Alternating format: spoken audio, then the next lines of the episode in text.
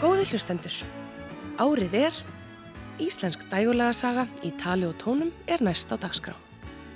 Í þáttunum er eitt ár í íslenskri dægurlaga tónlistarsögu tekið fyrir í einu. Ég heiti Sigriður Torlasíus en umsjónamenn eru Gunnlugur Jónsson og Ásker Eithórsson.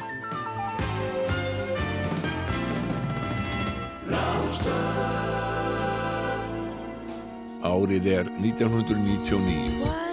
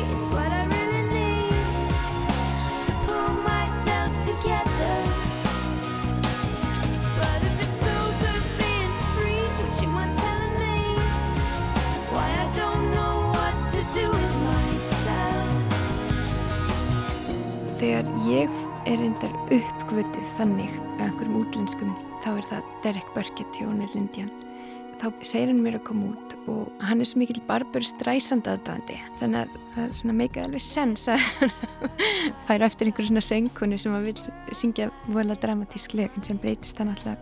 Og hann segir mér að ég bara verði að skrifa lögin. Annars getur bara glemt ég, við erum bara söngkona. Þú færð ekkert út því fjárhastlega eða og mér fannst þetta alltaf vola skrítið og ég hérna, ég sagði bara nei, ég ætla ekki að skrifa tónlistar mér langar bara að vera söngkona og síðan svona ítir henni þessu áfram og ég fyrir að hitta alls konar rosalega goða lagahöfunda. Emiliana Torini saði frá kynum sínum af Derek Burkett hjá One Little Indian sem urði til þess að hún flutti til London til að byrja að vinna að sinni fyrstu soloplötu fyrir erlendan markað. Ég var farin að verða svo óbáðslega óhæmgisum heima. Ég var farin að svona grafa mig svolítið í hólu. Þetta var orðið svo óþólandi að vera þekkt. Ég, ég þóldi það ekki. En það þar af leiðandi þegar ég fyrir út þá veit ég miklu meiri hvað mér langar að gera. Eða veit allavega hvað mér langar ekki að verða.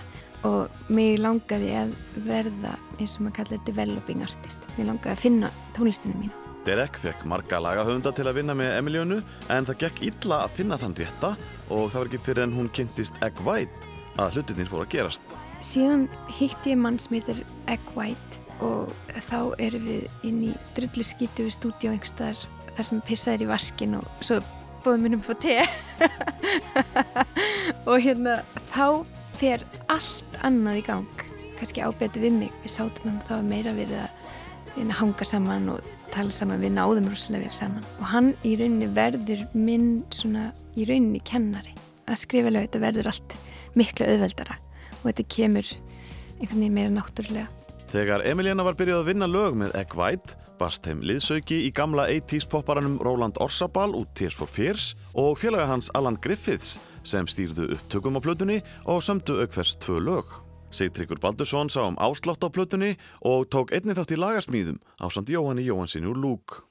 Fyrsta lagið sem Egg White og Emiliana Torini sömdu saman var To Be Free sem við hefðum brot úr áðan en plattan fekk nafnið Love in the Time of Science og Easy var eitt af fimm smáskifur um plötunar. Accident. You meant to touch me, and that's exactly why I'm here. A trick of confidence.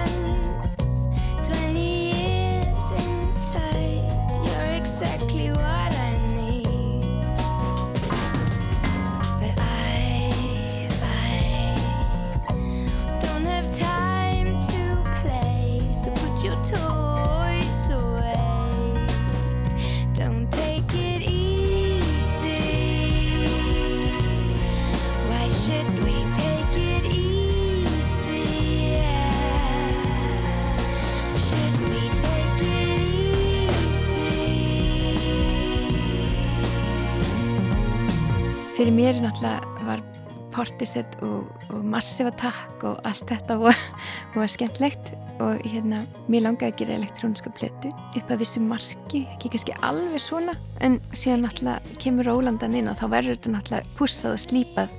Og er mjög kátískur. Og síðan kemur Róland sem er finn pussaður demantur. Og kemur hann með alveg ding.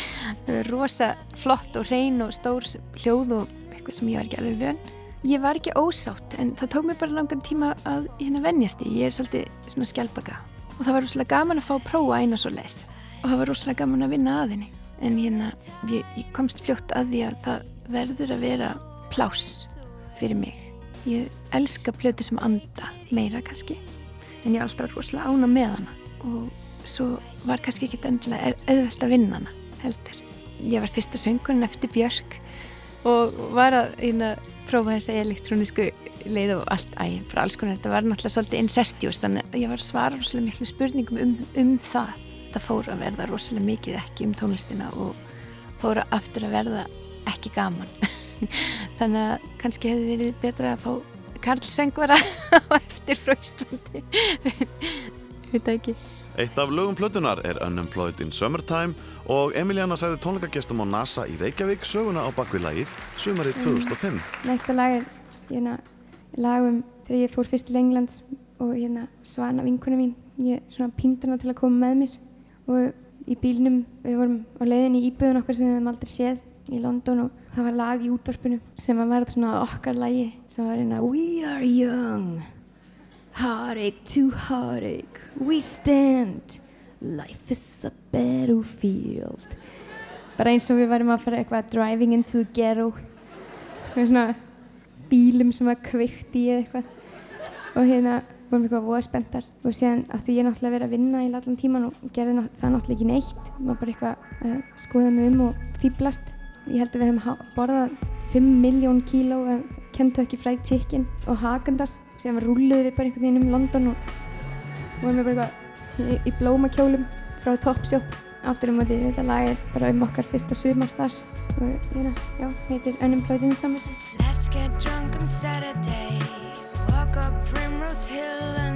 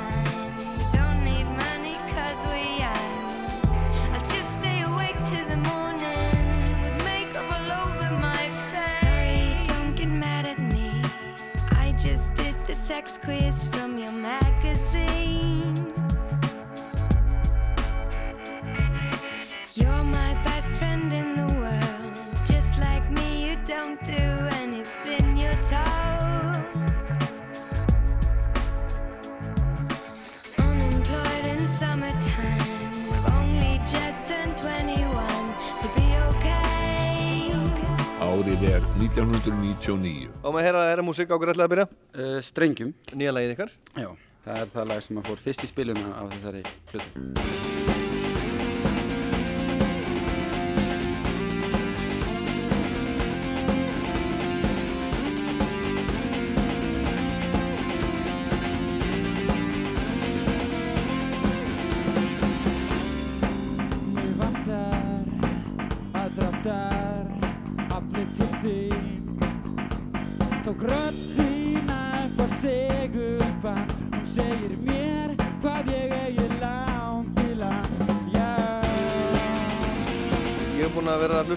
Plötuna og finnst hún bara skemmtileg.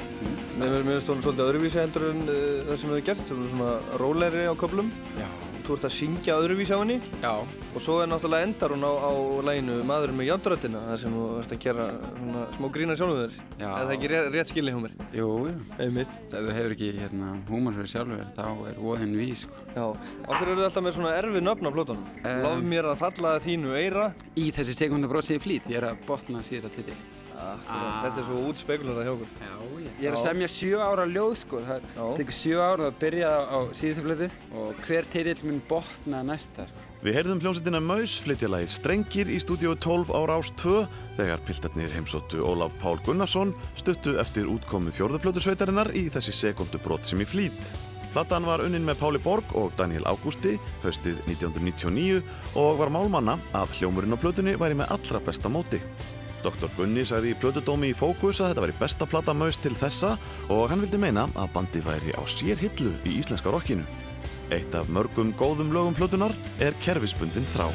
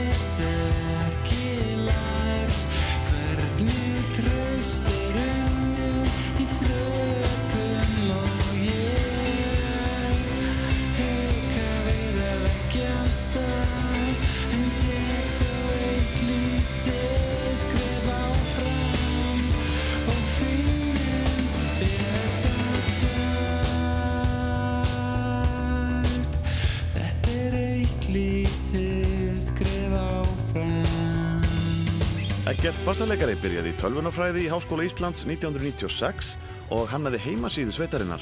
Og margir kollegar drengjana í tónlistabransanum litu öfundar augum til síðunar sem var svo uppfærið eftir útgáfu plötunar í þessi sekundubrót sem í flýt árið 1999. Þegar að í þessi sekundubrót kemur út þá er síðan sem að er enn í dag uppi. Og þetta var svona það var ansi mikil umferð þarna um og þetta var svona óvinni mikið að efni með við íslenskar hljómsveitir og ég held að einhverjum sko sjö árum síðar eftir að ég flytt til Ameríku og þá er svo síða að vinna besta hljómsveitasíðan sem að ég var ekki búin að snerta á sko í sjö ár. Eða eitthvað nema bara að setja nýja fréttir eitthvað tíma þegar þeir voru starfandi sko. Þannig að þetta, var svona smá punktur í sögum auðs held ég myndi ég halda að væri, væri svona síðan okkar af því að bara því að það var svo mikið að heimildum inn á henni sko. Sjáum til Ég get fær með þetta í vil Til að mata þig. Að þeirri vitleysu sem ég vil. Ég að jörðin væri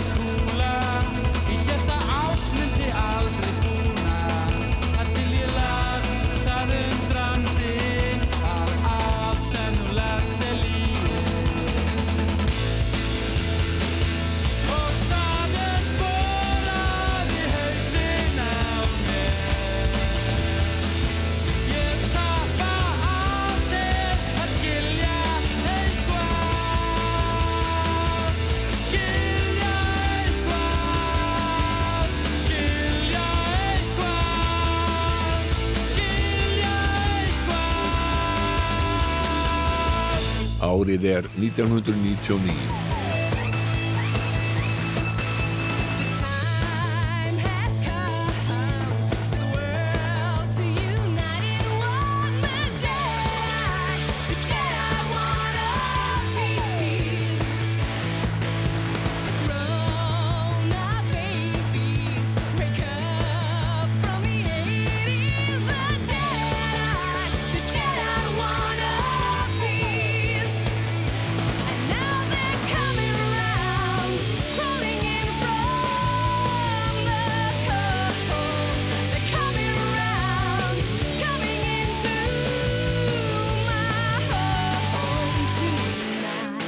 Í rauninni þetta er svo skemmt, þetta gerir svo skemmtilegt þetta er svona algjörlega organik ferli. Í rauninni vitum ekkert hvað er að gerast fyrir mætum bara og það er bara 500 manns mættir og allt yllu sko.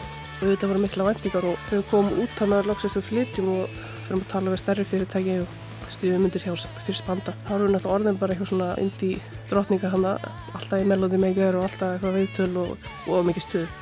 Þannig að það getur margt gerst á einu ári frá því að vera bara algjörlega óþægt því að vera svona á barminum á þessu leiti. Elisa Newman sagði frá velhefnari útrás Bellatrix í Breitlandi sem var til þess að sveitin undirritaði fjóraplasna samning við plötufyrirtæki Fierce Panda. Vorið 1999 urðu breytingar á hljómsveitinni þegar Ester Bibi Ásgeirsdóttir hætti í hljómsveitinni og tímabundið mannaði Hjörtur Gunnlaugsson gítalegari Spún stöðuna þangað til Kristín Þórisdóttir var ráðin í bandið um það leiti sem liðsmenn Bellatrix settust að í Breitlandi.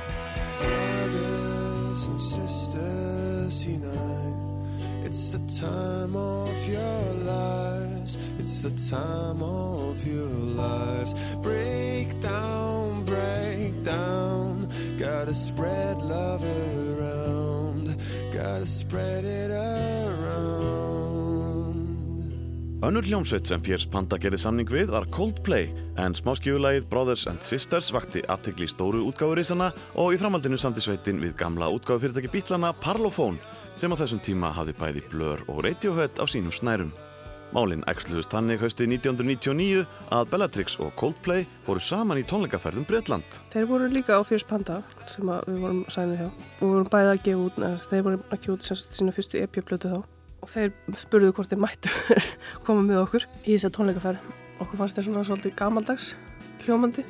Það var e- alls ekkit eins og var í tísku á þessum tíma, píjan, og gítar og eitthvað svona, viðkvæmur söngur og eitthvað svona, en við bara slóðum til okkur, það var eitthvað í gangi á það. Þannig að við fórum, og þetta var svona co-headline heitir það, við skiptumst á að vera aðnúmerið og þetta gekk rosalega vel, uppselt allar tónleika.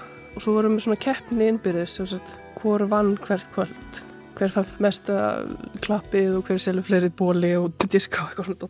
Þannig endarum unnu við náttúrulega ekki það að það skila sér í stóru myndinni. En þetta var rosalega skemmtileg ferð og gaman að sjá hvernig þeir voru að koma fram. Við vorum í rauninni að gefa þeim mikið að ráðum þeir voru í miðri upptöku á blötunni, fyrstu blötunni og við erum alltaf búin að gera helling sko. Þóttu sem að svipum aldrei þá vorum við búin að gera það þrjá fjóra blötur þannig að já, það var mikið samskipti á þeim tíma og svona alltaf fjaraður út þegar þú veist, þeir verða heimsfræðir og allt þetta en það var ágættis við nátt að hana á tímabili. Ekkur titringur var innan herbúð og Coldplay um haustið því söngvarinn Chris Martin rak Will Champion trómar á bandinu og fekk Haraldur Gíslason trómar í botleiðju formlegt bóð að ganga í hljómsettina. En hvernig kom það til? Þá eru þeir sem sagt að búin að gera demo að Parachutes, fyrstu plötinu þeirra. Það er bara svona handskrifa bregja sendt í posti Anna heldur þekkti eða eitthvað var, þegar voru búin að vera að túra með Bellatrix og það sem að hafði eitthvað kastast í kekki með trómmaröðra sem þeir síðan réðu aftur. Og voru, ég var beðin um að koma e, þryggjáfna túr með þeim sem voru að fara um Breitland og ég var nýkomin af svona löngu túr með botlu upp og niður Breitland og tilhugsin að fara aftur var ekki spennandi. Og svo fannst mér líka hérna þessi demo fyrir Parachutes bara vera alls ekki skemmtileg.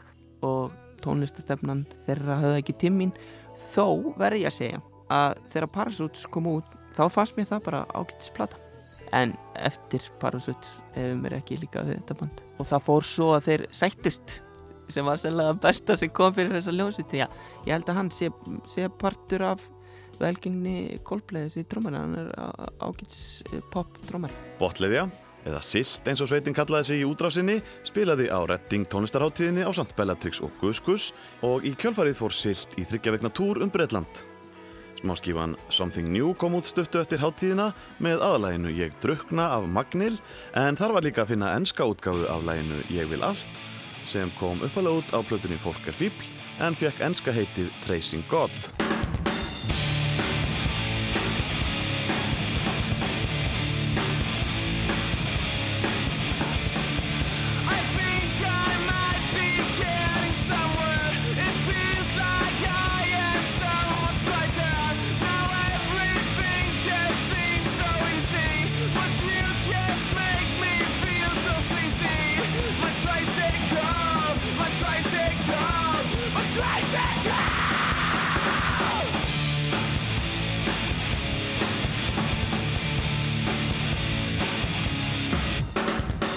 Árið er 1999. Ég var þarna að byrja að vinna með Selmu í leikúsinu. Vorum að gera tónlinn sem var fyrir kvikmynd sem heit Sporlust. Þá er það hún sem að, Selma Björns, sem er beðin um af Rúf að taka þetta að sér þetta árið og hún mátti velja sér lagasmið.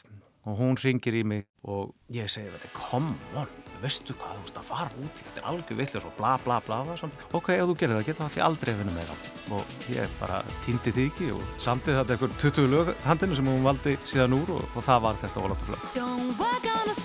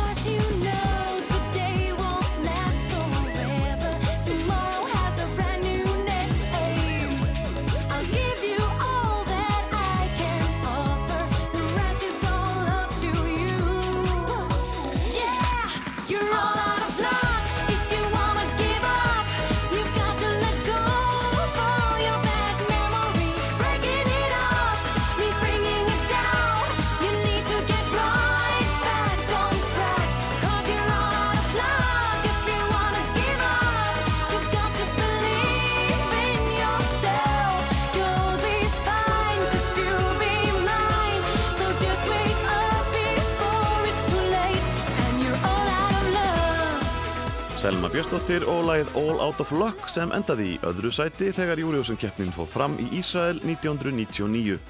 En hvernig upplifði lagahöfundurinn Þorvaldur Bjarni Þorvaldsson þennan tíma í Jérúsalem og augnablikkið á meðan beðið var eftir úslitunum? Það sem að gerðist þarna var alveg einstætt að lápar í loftinu að Selma væri að fara að vinna og það voru bara allir á staðnum eiginlega búin að ákveða það. Það var mikil aðtikli strax á lægið og allt í kringu það sem gerði þetta náttúrulega gríðilega spennandi. Og svo byrjaði náttúrulega stegatablan og við vorum alltaf efst og svo kom Svíþjóð aðeins og eftir svo vorum við svona meira minna leittum þetta. Þangað til að koma þjóðunum sem við heldum við um hjálpað í frelsisbaráttinu Lettland og Litáin og gá okkur núlstig þrísarur og þá var þetta búið og Svíþjóð tók þetta. Þorvaldur Bjarni rifið upp glæsilegan árangur Selmu Björnsdóttur í Eurovision vorið 1999 Þorvaldur samt í lægið og það sem reglum keppninan hafði verið breytt á þann veg að viðkomandi listamenn þurftu ekki að syngja á eigin móðurmáli fekk hann Sveinbjörn í Baldvinsson með sér í lið og saman sömduður ennskan texta.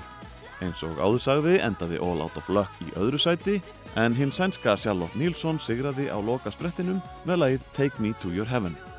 Þessi góði árangur kallaði á stóra plötu. Selmu og Þorvaldi Bjarnar var vandi á höndum. Hún tókst á að semja eða draga fram úr púsi sínu sex lög sem ekki hefðu komið út áður og þrjú tóttmóbílög urðu fyrir valinu, auk Weekender úr bíómyndinni Sporlaust og Eurovision lagsins All Out of Luck sem kom tvísvar fyrir á plötunni sem fikk nafnið I Am og hér er upphalslega plötunar Hit Girl.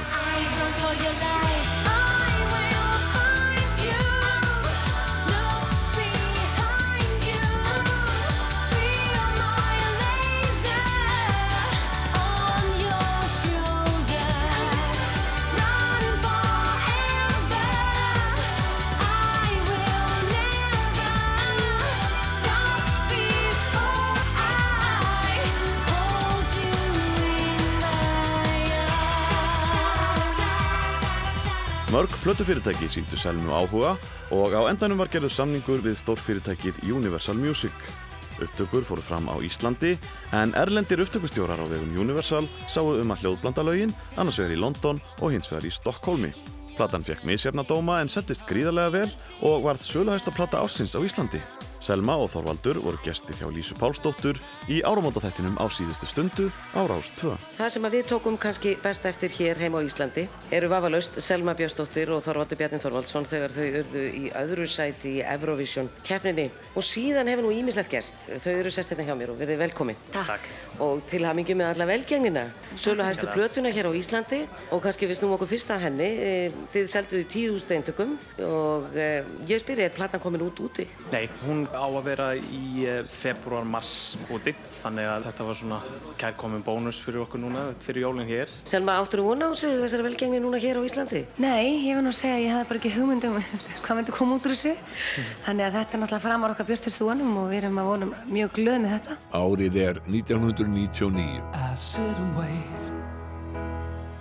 There's an angel contemplate my fate. Enski tónlistarmadurinn Robbie Williams kom fram á tónleikum í Lugadalshöll 17. september og skemmtu áhörfundur sér vel. Undir lok tónleikana kastaði einhver flösku upp á svið sem var til þess að Robbie tók ekki uppklappslag, sama hversu mikið var klappað í salnum. Sumt fjölmjöla fólk fór ófögurum orðum um þennan fræga breska söngvara sem kom örþreyttur til landsins úr langri hljómleikaferð og vildi lítið við fjölmjöla landsins tala. Robby fór í kvalaskoðun á Faxaflóa og kannaði skemmtarnalífið í borginni áður en hann hjælt til síns heima. En félagar hans úr hljómsveitinni og rótararnir nutu þess að eiga nokkura daga frí á Íslandi í róliheitum eftir tónleikana. Good evening, ladies and gentlemen. We are Fugazi from Washington, D.C. Thank you very much for joining us. Thank you very much to uh, Kiddy and everybody who uh, worked to help us come here. We're very pleased to finally come to Iceland. Það lág fyrir að Reykjavík yfir menningaborg Evrópu árið 2000. Mörgum þótti hlutur dægulega tónlistar samtímans Rýr á fyrir hugari dagskrá og Kristinn Sæmundsson, betur þekktur sem Kitty Kanina, ákvað að fara stað með tónleikaröð sem að kallaði Lámenningaborgin Reykjavík 1999 og hann vakti jafnframt aðtikli á því að það vantaði almennilegt tónleikahús í Reykjavíkuborg fyrir meðalstóra tónleika. Meðal þeirra erlendu flytjenda sem tróðu upp hér á landi á vegum Kitta þetta ár voru Wise Guys, Will Oldham, Les Rhythmes Digitales, John Spencer Blues Explosion og Fugazi. Tvær síðastnefndu hljómsveitinnar tróðu upp í bílageimslu Ríkisútvarsins og tónleika þeirra voru sendir út í beinni útsendingu á Rás 2. Hér heyrðum við tóndæmi frá tónleikum bandarísku hljómsveitarinnar Fugazi í efstaleitinu 27. apríl 1999.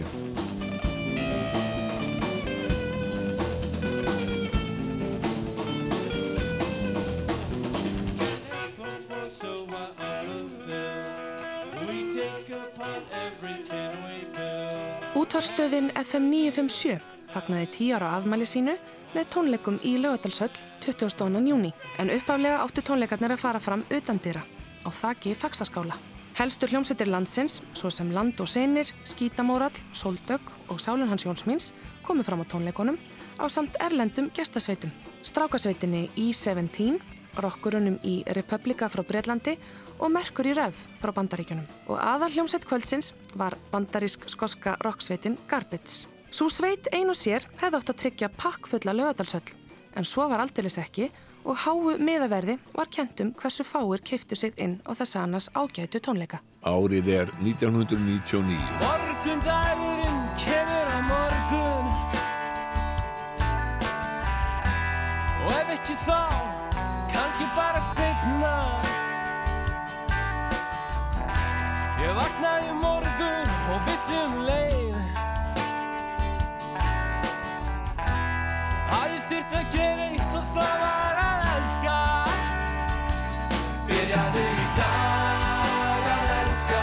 Byrjaðu í dag að elska. Byrjaðu í dag að elska. Byrjaðu í dag að elska. Gleðibandið Gerfuglarnir á rætu sínar að reykja til ásins 1991 þegar Haldur Gilvason og Þorkill Reyðarsson skemmtu á Þorrablóti barna og unglingadeildar landsspítalans þar sem þeir störfuðu. Fljótlega bættist Freyr Eyjálsson í bandið og þegar fyrsta platan Dritt var tekin upp jólin 1997 voru Stefán Már Magnússon trommuleikari og Otto Tínes úr hljómsveitinni Íslenskir tónar komnir í hljómsveitina. Þegar önnur platan byrjaði í dag að elska kom út, undir lok ás 1999 höfðu orðið mannabreitingar. Otto hætti í bandinu og í hans stað kom kontrabassaleikarin Herman Vernharður Jósefsson, Stefán lagði kjöðunum og fór að spila á gítar, en trommuleikarin Kristján Freyr Halldórsson settist við settið. Titilag plötunar byrjaði í dag að elska, vakti verðskuldaða aðtikli.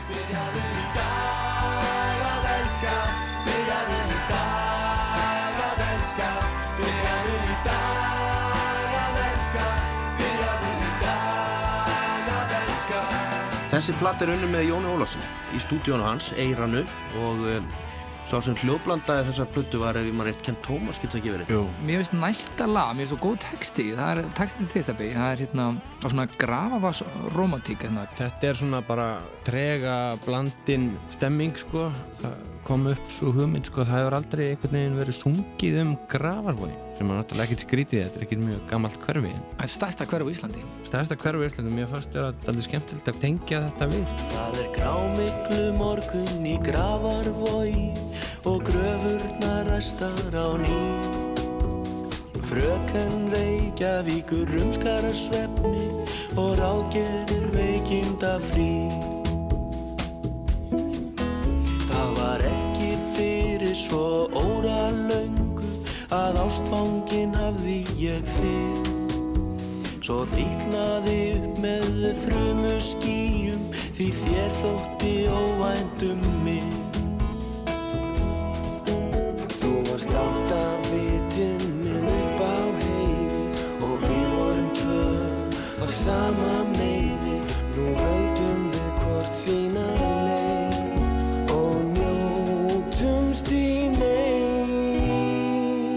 Gerfuglarnir og lagið Neyðarrúmba að plötinni byrjaði í dag að elska og þar á undan heyrðum við upptöku úr síðasta Gemt en ekki glemt þættinum á Rás 2 þar sem Freyr Eyjálsson bauð félögum sínum úr hljómsettinni í heimsókn.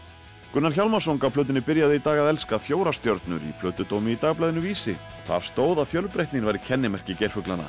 Lögin væru einföld og grípandi og ásæktu hlustandan. Þetta væru hæfileikaríkir spilarar sem syngdu eins og örugustur látúnsbarkar og rækju hvert stuðlægið á fætur öðru í réttir með galsa og krafti. Ragnhildur Eiríksdóttir syngur duett með Frey Eyjólfsinni á plötunni í læginu Fílanum mig.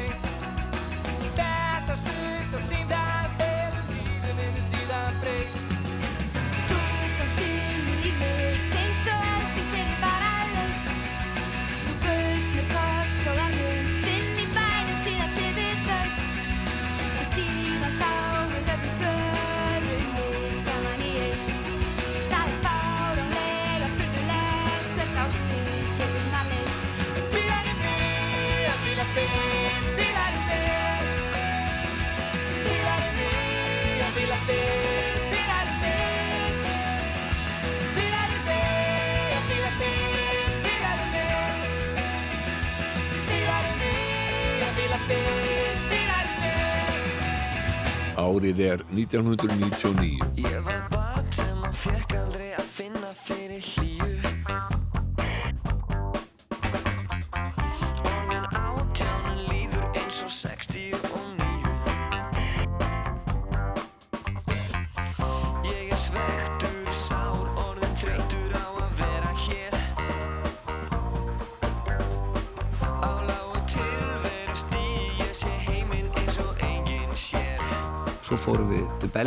með hérna Vívilfell, vorum að spila ástættið þeirra tókum að sjálfsögðu með okkur upp, upptökugýr og, og þar á stóru hóteli lendir hann Addi 800 í, í, í Herbyggi 313 Jújú, jú, við förum þarna, tökum upp minni með bassa á hótelherbygginu þar og gerðum einhverjar tilhörnir Svo komum við heim tilbaka og við förum til eh, Færi að spila þar og þar tökum við pelling og Addi mitt lendir á Herbyggi 313 á Hótel Hafnía aftur við fórum að gera grína þessu sko. Og svo gerist það aftur að við förum hérna við förum heim og erum á einhverju hóti, ég man ekki hvað hótelherbyggið það var. Við lendum þrísvar sagt á Herbyggi 313 og við vorum búin að ákveða löngu áður en að plata kom út að hún myndi heita Herbyggi 313 vegna þess að hún var unnin að hluta til í akkurat því herbyggi Hreimur Örn Heimusson, söngvari Lands og Sona, sagði frá ástæðinu fyrir því að önnur plata sveitarinnar fekk nafnið Herbergi 313.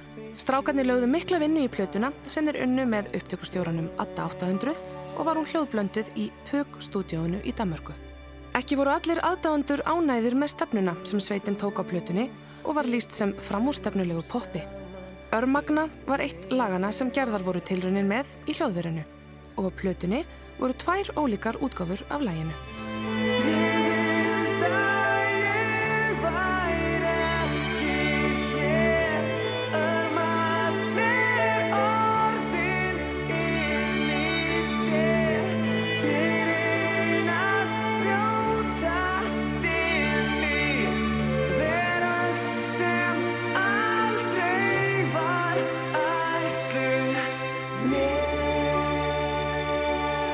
Örmagna hins vegar er gífurlega skemmtilega prógramerað og hann, hann Samuel sem að hérna er Jaguar, hann skrifar út og semur þessa strengjalínu sem að einkennir lagið svo skemmtilega. Þegar að við vorum búinir að taka þetta upp og mixa þetta, vorum út í Púk stúdíu í Danmörku, þá smellum okkur á, á djammið í hérna Álaborg. Ánaður með stöffið en, en, en Addi 800 og Njáll Þórðarsson urðu eftir í stúdíónu og þá kviknar hugmyndin nákvæmlega þá. Gera aðra svo á þessu lagi á plötuna og hafa bara flíl og, og þessa fallegu strengjalínu sem að Samuel skrifa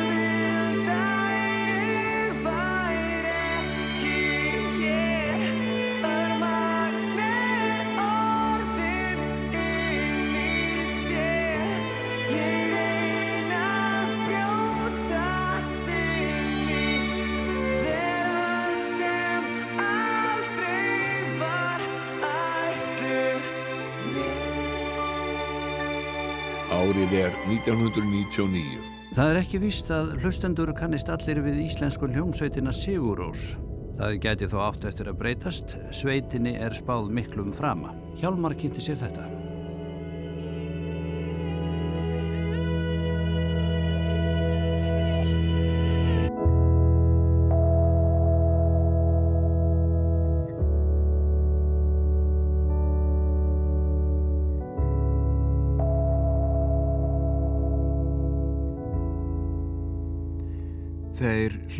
Eins og Guð þegar hann grætur gullnum tárum á himnum.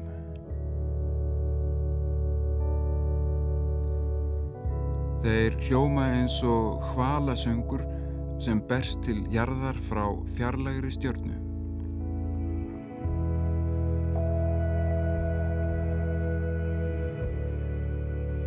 Þeir hljóma eins og jöklar sem skrýða óendanlega hægt yfir landið og þegar þeir halda tónleika snerta þeir áhorfendur svo djúft að þeir sitja grátandi í salnum eftir að ljósin slokna tindir í draumheimum.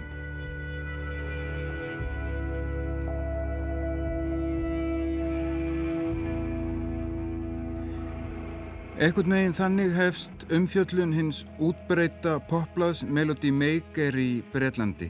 Blaðið hefur kosið litla plötu með Sigur Rós með læginu Sveppgenglar plötu vikunar og í desemberhefti tímaritsins Face sem er líka selt út um allan heim er væntanleg sex síðna lofsöngur um Sigur Rós.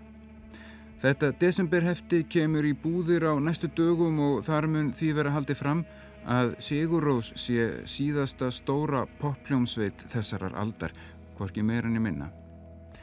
Stóra plata sveitarinnar sem kom út hér á landi á liðinu sumri kemur út í Breitlandi eftir áramót og það segir sér sjálft að það er mikill spenningur í loftinu. Platan heitir á íslensku Ágæti Spyrjun.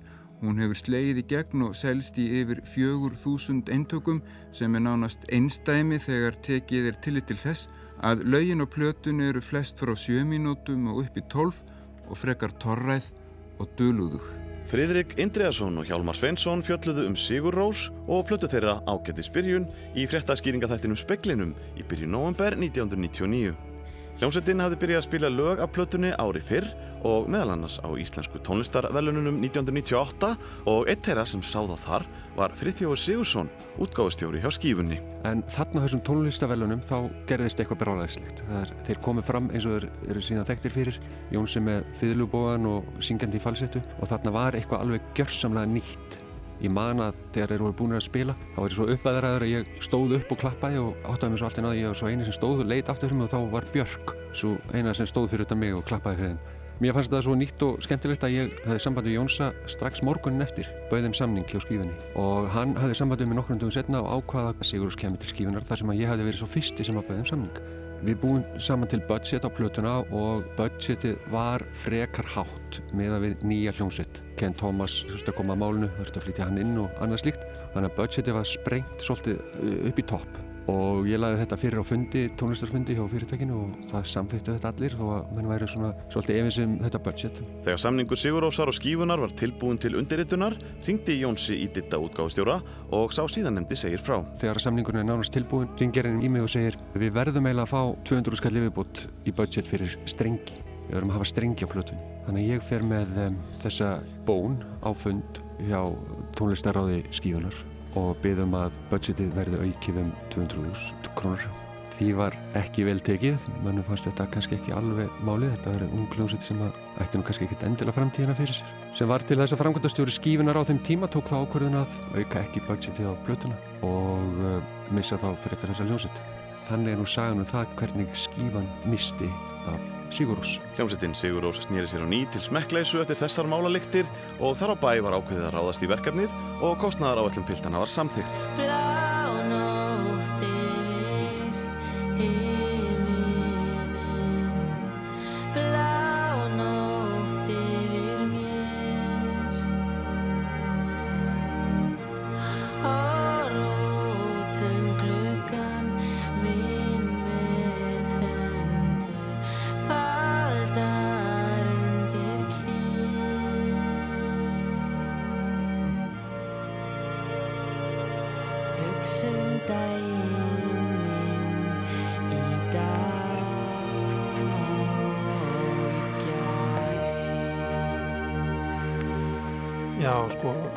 Uppalega stóð náttúrulega til að platan kæmi út fyrir jólinn. Átti að koma út í oktober. En hérna þegar komið var fram í oktober það voru sjölög tilbúin og þeir voru ekki sáttir við niðurstöðuna, þeir fannst þetta ekki vera komið sko og ég veit að hérna upptökumæður sem var vinna með hann Ken Thomas, hann var alveg sammálaðum sagði það að þeir væru svona ekki alveg sáttir Sagði Átni Mattíasson, bladamaður Morgumblaðsins sem fylgdist vel með framvindu mála hjá þessari efnilegu hljómsveit og Sigurósa Piltar fengur grænt ljós á smekkleysu um að fresta útgádeginum um nokkra mánuði. Um þær mundir sem platan var að koma út hætti trómarinn Ágúst Ævar Gunnarsson og Orri Páll Dýrason tók við kjöðunum. Jónsi, Georg, Kjartan og Orri skipuðu því kvartettin Sigurós frá árinu 1999 og allt þar til Kjartan hætti árið 2012. Þeir unnu svo áfram að plötunni þarna um veturinn og, og voruð svo var masterin voruð og það var líka gríðaleg vinna lögði í masteringuna og þá voru þeir að bæta inn allskyns hljóðum og, og síkri og glassúr og strengjum og tengja saman lögin og, og svona þannig að það var gríðaleg vinna. Ég heyrði masterpröfur, ég heyrði eina þar sem að lögin voru í aðeins annan röð og aðra þar sem að er hérna, miklu meira, meira skraut og flúr en hérna þeir, já, þeir döttu nýra á þetta á endanum sko en, en hvað bössi var þar þá Það má segja kannski að um það leiti svona rétt ára að platan er að koma út og þá fór maður að finna fyrir alveg gríðarlegum áhuga svona langt út fyrir þennan hóp sem að þekkti hljómsveitarvela því að hún var eitt neitt rosalega þekkt Sigurós.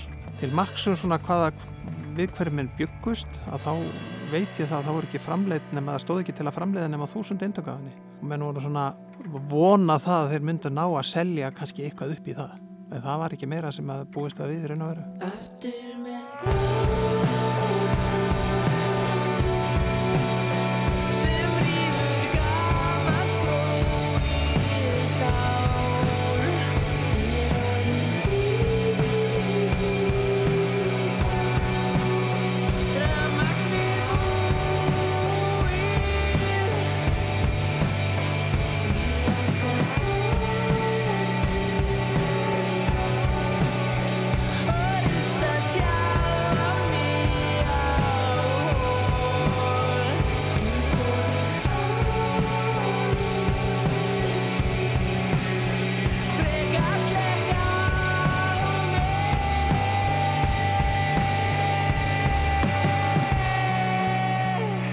Blötusalinn og tónleikahaldarinn Kristinn Sæmundsson í Hljómalind gerðist umbóðsmaður Sigurósar í byrjun árs 1999.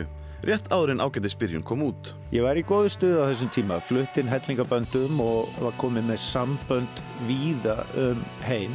Svona komin eiginlega inn í það sem ég getur kallað innstu kjarnar í þessum indie heimi all over sko. Átti mjög greiðan aðgang að hljómsveitum og plötufyrirtækjum og annað sko. Mér klæjaði í fingurnar að fara að geta nota þessi sambönd Svo heyrði ég þetta Sigurósatótt og það bara, þú veist, þetta var svona eins og trúaleg upplifun bara. og það ekslaðist þannig að ég varð umbúsmaður þeirra þarna á ykkurum smá tíma, 99-2000 og tókst held ég sé að henda þeim í hendurnar á rétta fólkinu. Þeir allavega hafa starfað með öllu því fólki síðan.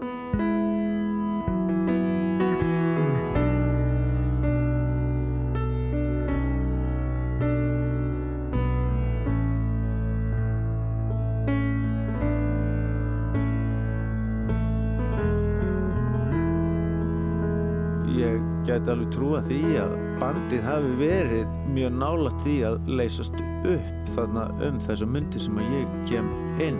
Og, og líklega var ég bara svo bláegur veitlisingur og bjart sýtna að ég hef aldrei tekið eftir því og hjólaði þá einhvern veginn út úr þeirri veitlisu sko. Útgáfan var að fara á límingunum, þeir þurfti að selja 3300 plötur til að ná núlpunti sko það sem ég sá var bara, wow, við getum farið og gert á einn stóra og YouTube, þú veist, bara hvað vil ég vera stóri?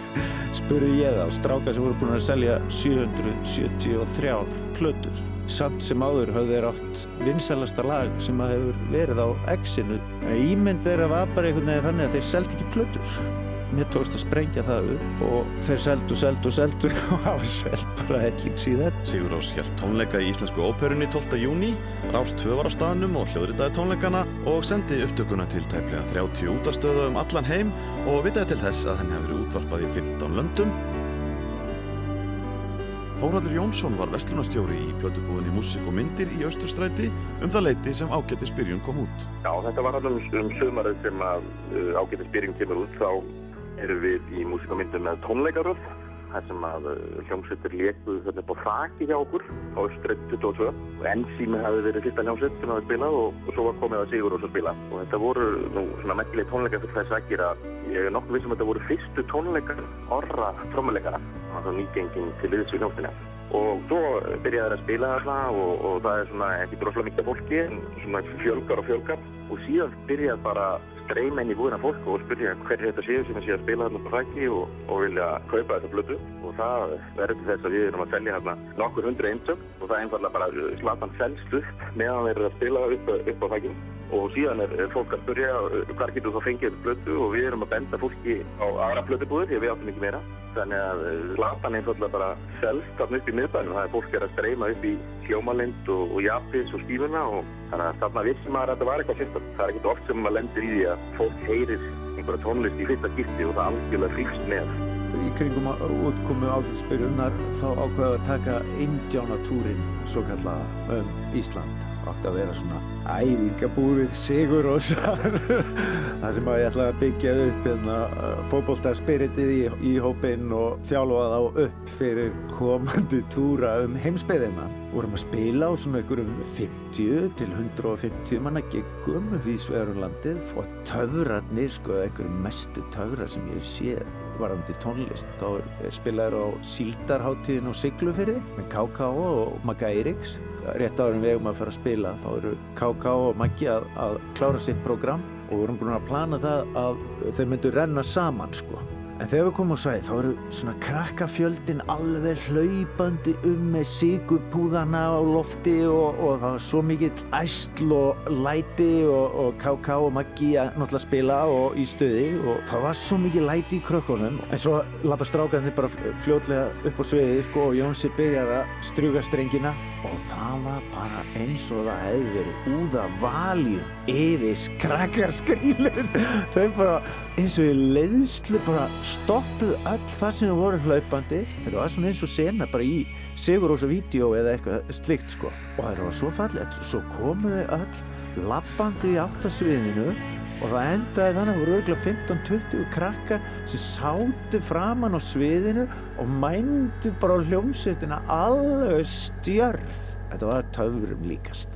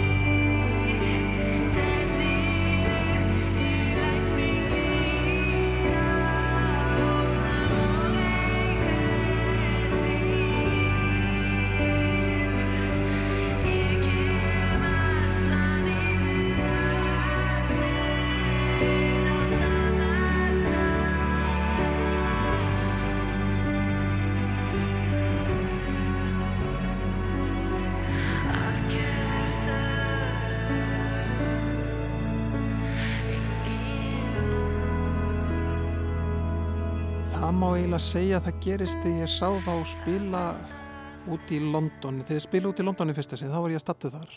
Sko það, fólk sem að ég var að tala við þar í, svona, í músíkbransanum, fólk sem maður hefur þekkt í gegnum mörg ár, svona, þá heyrði maður það eiginlega svona hvernig menn voru að tala um þá. Þá voru menn að tala um þá með svo upphöfnum hætti að maður fann það að það var eitthvað mjög, mjög sérstætt í gangi og eitthvað mjög mikið að fara að gerast, sko. Er veru, þetta er veru mjög sérstakt dæmi um hljómsveit sem að krossar allt, hún fer yfir öll landamæri, hún er bara hún sjálf og, og það hrífast allir sko. Við bara ná að, ná að spila og einhvern veginn þannig á tilfinningarnar í fólki að það hrífst með og bara verður að játa sér sigrað. Ágætið spyrjun með Sigur Rós var útnefnd Plata Ársins á íslensku tónlistarverlununum. Sigur Rós var hljómsveit Ársins og lagahöfundur Ársins og Jón Þór Birgisson var bæði söngvari og gítarleikari Ársins.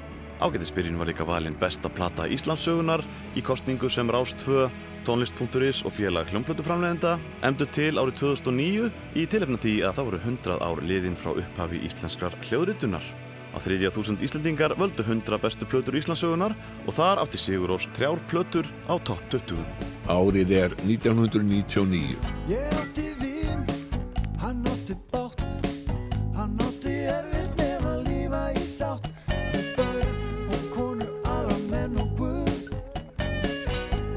fannst lífið vera endalaus buð Senna, senna Senna, senna Kemst þetta í Samstarf Kristjáns Kristjánssonar og Magnúsar Eiríkssonar hafði staðið í nokkur tíma þegar platan Ómissandi fólk kom út árið 1996. Svo plata hlaut mjög góðar viðtökur og það byggðu margir spenntir eftir plötunni Kongur einn dag sem kom út undir lokás 1999. Missir og taktur tímans spiluðu stóra rullu í textum Magnúsar og hér heyrum við brot úr titilæginu Kongur einn dag þar sem Magnús fjallar á vissan hátt um gleðibankaæfintýrið en ekki síður um lífið sjálft. Allt mitt líf er andartak í tímans hafi og öll þín tár það týnast eitt og eitt. Kongur einn dag það næsta ert í bólakafi sund sem þýðir ekki neitt. Og eftir sittur sásökin og stundur som til hamingja. Ef þú skildir finnana í öllum bænum gríftana og ég týndi sjálfum mér fann hana og mist hana eftir sitt ég hugstóla og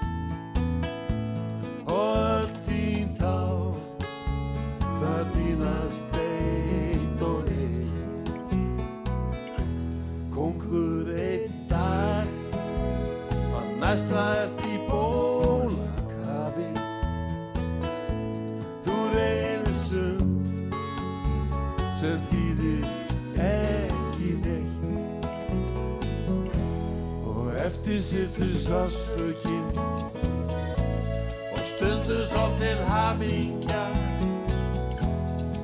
Ef þú skildi finna hana í öllum bænum gríftana ég sem týndi sjálfum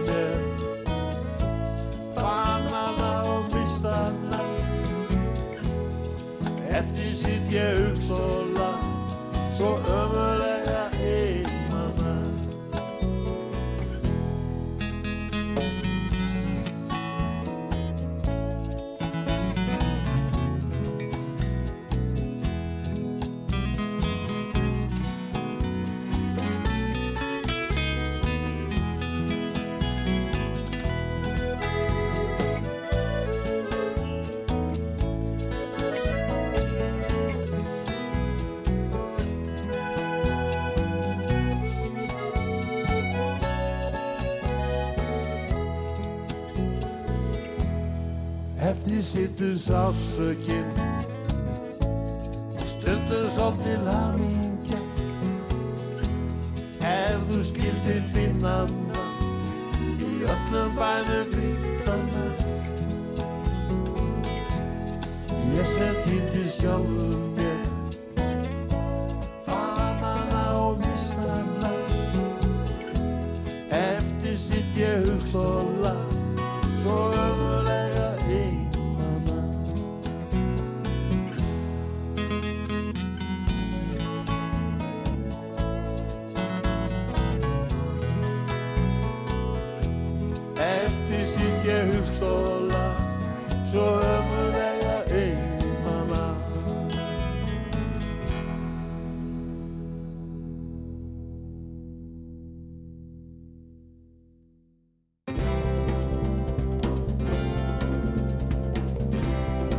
Árið er 1999.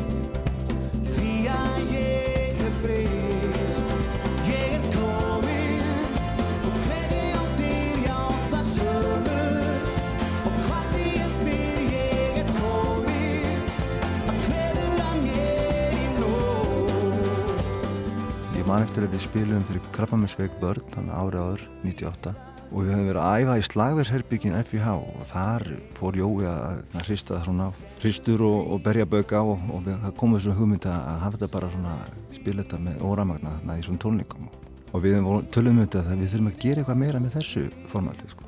svo árið eftir þá fórum við á heimsóttin þessa hugmynd og fórum að vinna í því svona hann um haustið Við höfum starfað með hlýðum undanfærin árin hátta undan, kannski 2-3 ár og, ekki verið neitt sérstaklega svona sínilegir eða mikil drift í okkur.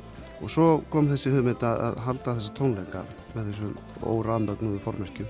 Og við hafa nú ekki meiri drift í okkur svo, en svo að hérna, við höfum nú ekki mikla trú á þessum tónleikum. Og langaði bara að gera þetta og hljóðrita þetta svona bara ef þetta skildi hefnast okkarlega og það kom okkur virkilega óvart hvað vel var í þetta tekið og, og þetta lukkuðist rosalega vel þessar upptökur og frumfluttum hérna nýtt efni einnig. Og það má alveg með sannið segja að þetta hafi blásið svona nýju lífi í hljóðsveitina og ég hef oft orðað þetta þannig að þetta svona, hún, þessi plata og þessi tónleikar þeir öfluðu svona okkur nýra áhenganda það hlóðst svolítið utan á boltan platan seldist gríðarlega vel og nokkur lagana fóru hátt á vinsaldalistum og þetta var svona já, mörgur leiti segja að þetta hafi verið svona second coming hjá okkur svona. Guðmundur Jónsson og Stefán Hilmarsson rifjuðu upp hvernig tónleikaplattan 12. ágúst 1999 var til.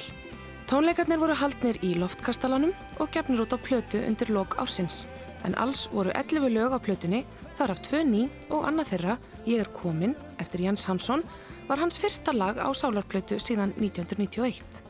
Gömlu lögin voru öll í breyttum órafmögnuðum útsetningum og nýstyrnið Íris Kristjánsdóttir söng duett með Stefáni Hilmasinni í rocklæginu Orginal frá árun áður og nýja órafmagnaða útgáfan sló samstundis í gegn og fór tvívegis á topp íslenska listans með nokkura vekna millibili. Það er ekki nóg að hafa sannanir, staðreindir Þó þú þykist vita um hvað máli slýst Fyrir víst það er allt á huldu hér.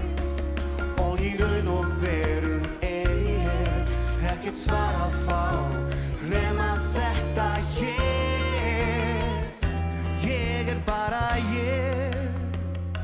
Þú ert bara þú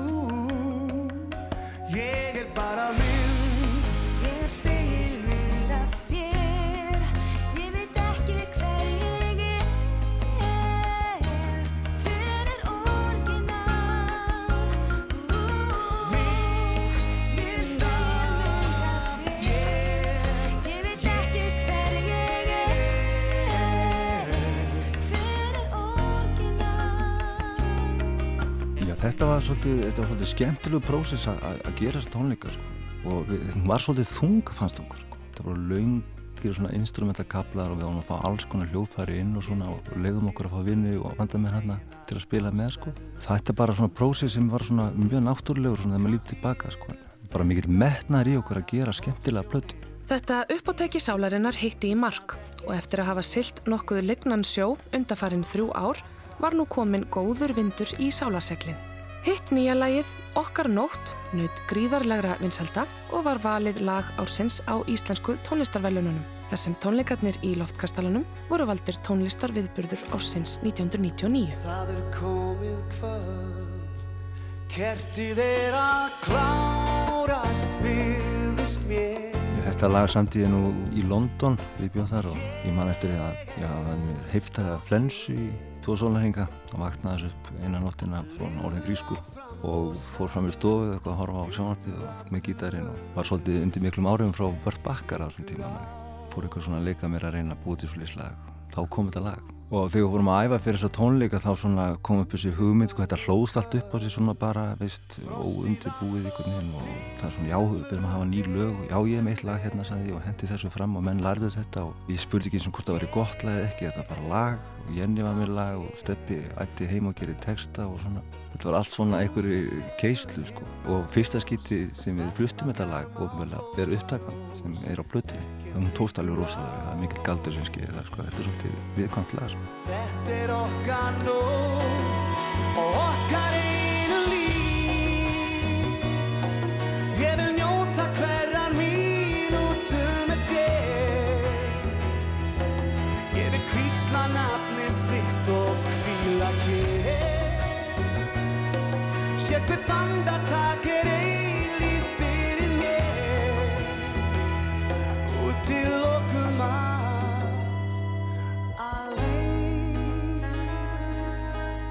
Tekstir ég hérna, man að ég kláraði hann nú bara einhverjum nokkrum tímum fyrir tónleikana og var nú ekki alveg einhvern veginn vissum að ég væri bara með hann á hreinu og Það var- átti svolítið erut með þetta. Já, ég man eftir það er nú eina fáum skiptin sem ég skipt mér að textum það var, hérna, það var þessi, svona, heyrði fyrir mig þetta var einhver svona vendarteksti sko. Alveg Var það ekki, það var að því ég var með þessar nótt, ég vaknaði þarna sko þá sá ég strákið mér sofandi í rúminu og svona, var eitthvað viðkvæmur og svona, og lægi kom svolítið í kringu þetta sko Legðu minn Langt í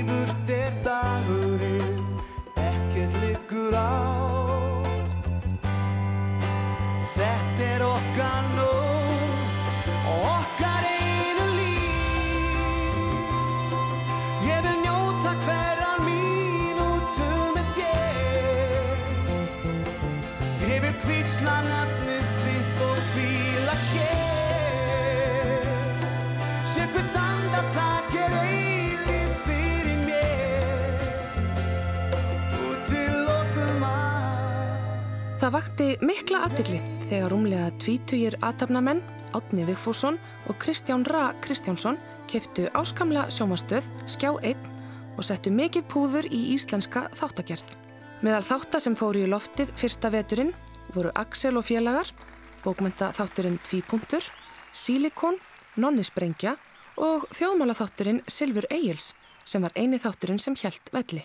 Þá hóf tónlistarsjómastöðin Pop TV göngu sína á árinu og fetaði þar í fótspor MTV. Megin uppistaðan af útsendu efni var tónlistarmyndbönd og lagt upp með að gera íslenskri tónlist sérlega hátt undir höfn.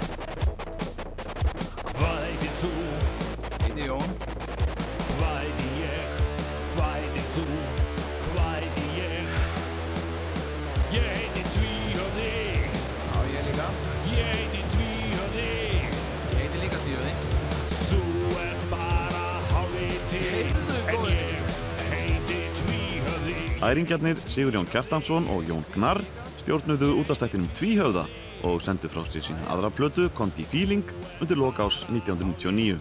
Bóðið upp á blöndu af lögum með þeim félögum og velvöldum sketsum úr útastáttunum eins og á fyrirplötunni og við heyrðum brot úr uppastlægi plötunar Ég heiti Tvíhöfði. Undir lokásins var tilkynnt um vistaskipti félagana frá Exinu 977 yfir til Íslenska útvarsfélagsins og þar kom skýrt fram að þátturinn myndi ekki verða á dagskrá á neittni af þremur útastöðunum sem það hefði yfir að ráða. Bilgjunni, Mono eða Stjörnunni heldur er þið ný stöð opnuð undir það. Hún fekk nafni Radio og sendi út á FM-tíðninni 103,7 og fór í loftið í byrjun ás 2000. Við sama tækifæri var jafnframt greint frá áformum þeirra um að búa til tvíhjöfða kvikmynd sem ekkert varð úr. Pétur Jóhann Sigfússon, 27 ára gammal starfsmæður í Bíkó, var útnefndur fyndnasti maður Íslands árið 1999. Hann hitaði upp fyrir Jón Gnarr á nýri uppistandsýningu sem fekk nafnið Ég var einu sinni nörd og þegar Radio, nýja útvarstöð tvíhöðapiltana, hóf útsendingar var Pétur Jóhann mættur til leiks með þáttinn Ding Dong sem að stjórnaði á samt Þorði Helga Þorðarsinni, eða Dotta Litla. Hún er 13 ára mótel, mömmu líkar vel Með möndulaga sel Brjóstin vann þroska, þykja bara flott. 13 ára grafjast með móni lísu blott Heimurinn er hunangsbúð með opnar sínar dýr Hóværa stelpan í seglinn hefur byr sem flytir henni áfram í likna semna vík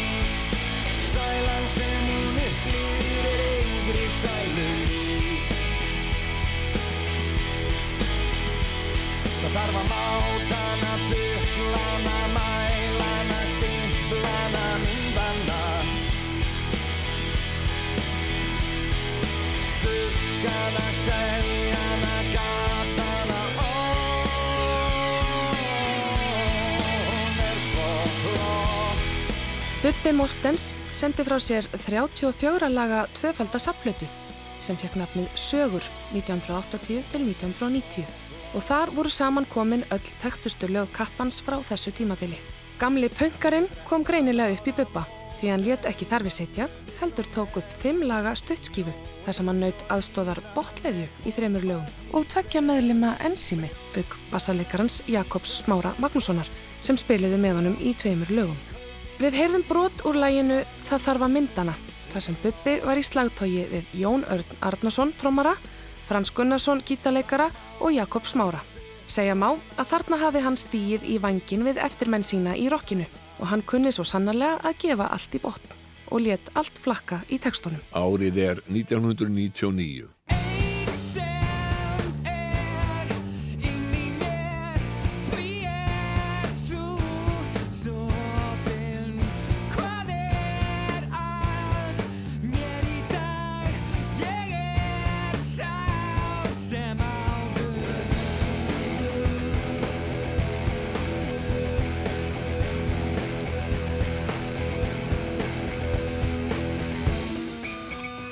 Það sem að gerist er að, hérna, að það kemur til landsins hljómsveit sem heitir Shellac og fór sprakkin þar er maður sem heitir Steve Albini sem er frægur upptökustjóri og, og hann fær kápöldamúsík í hendurnar reynda þvert á minn vilja sko, ég var hérna svo uppveðrar að hérna að, að var á tónleikonum að hérna gráta útgáðstjórn ekki vera nú að gera okkur þann grikk að láta hann hafa þessa blötu sko. En hann fekk blötuna og, og var svona rosalega hrifinn að, að hérna að hann hafði samband tilbaka og, og saðist vilja vinna með bandinu.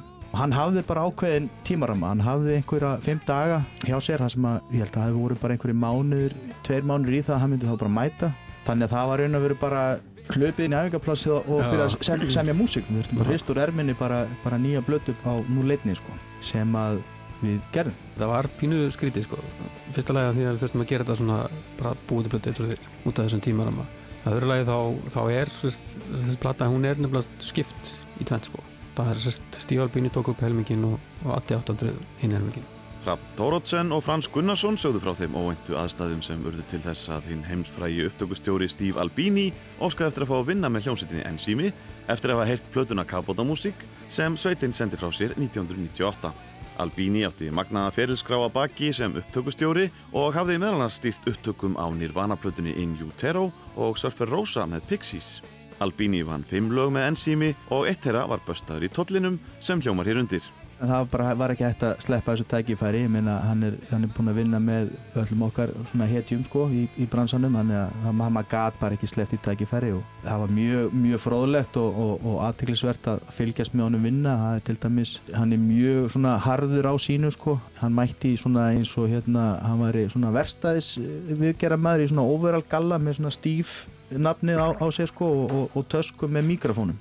Svo hérna mátti maður ekki hérna sem sagt stilla upp magnara eða, eða trommusettum sjálfur sko hann sá allt um það og maður hérna ef að þurfti að hækki einhverju magnarunum að þá mátti maður ekki gera það. Þú, þú varst tónlistamæðurinn, hann var upptökumæðurinn þannig að hann fór og sá um allt þetta og það var svona mjög nýmóðins fyrir, fyrir, fyrir okkur sko hérna ungu gæjana að, að hérna svona heimsfræði maður var að snúast í kringu raskatið og okkur sko það, var mjög sérstakt sko Platan fekk nafni BMX og kom út undir lokás 1999.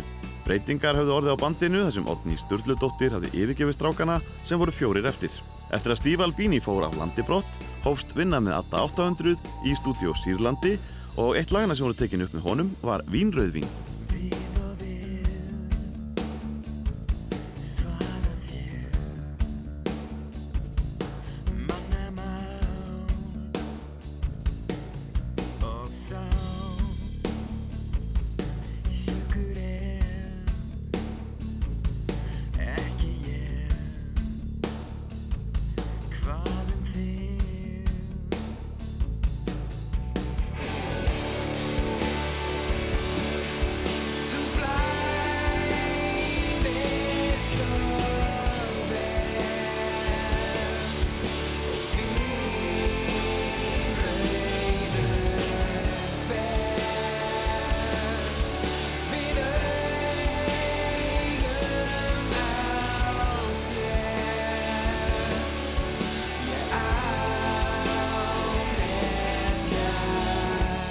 Nú ekkert sérstaklega viðtökur. það var líka búið að hæpa upp kafbátumúsík svo rosalega mikið að, hérna, að menn byggust við einhverju alveg gríðarlega mestarastykki en byggust ekki við þessu. Hún væri hérna rockuð en líka svona smá hérna angi af, af, af fyrstu plötinu og hérna. Það sem að gerist líka er að þú veist, þegar bönd koma með fyrstu blödu sem er gengur svona vel og, hana, og þetta, þetta er svo mikið svona signature sound fyrir hljómsveitina að það vilja allir fá eins blödu nummið tvö, þú veist, það segið ekki. Það er bara, veist, það er það sem fólk vil listamennin að sjálfsögðu vilja ekki gera eh, fyrstu blödu aftur, það er bara, það er ekki þannig. Árið er 1999.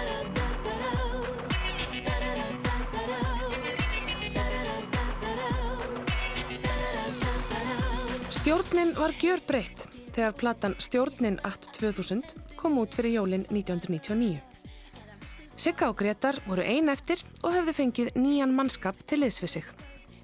Eyður Arnarsson, sem hefði spilað með þeim á bassa á upphafsárunum, var komin aftur í hópin en nýju mennirnir voru Kristján, sonur Gretars, sem leik á gítar og trómarinn Hjörlefur Örn Jónsson.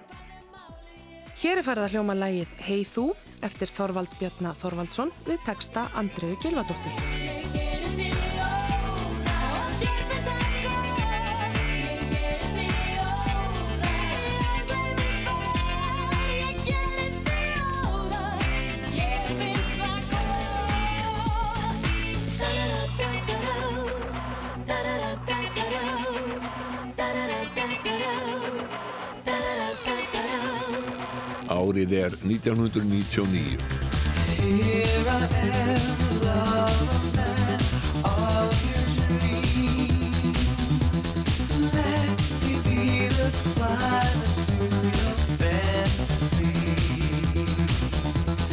Feel the flow, watch me glow, just for you, just for you.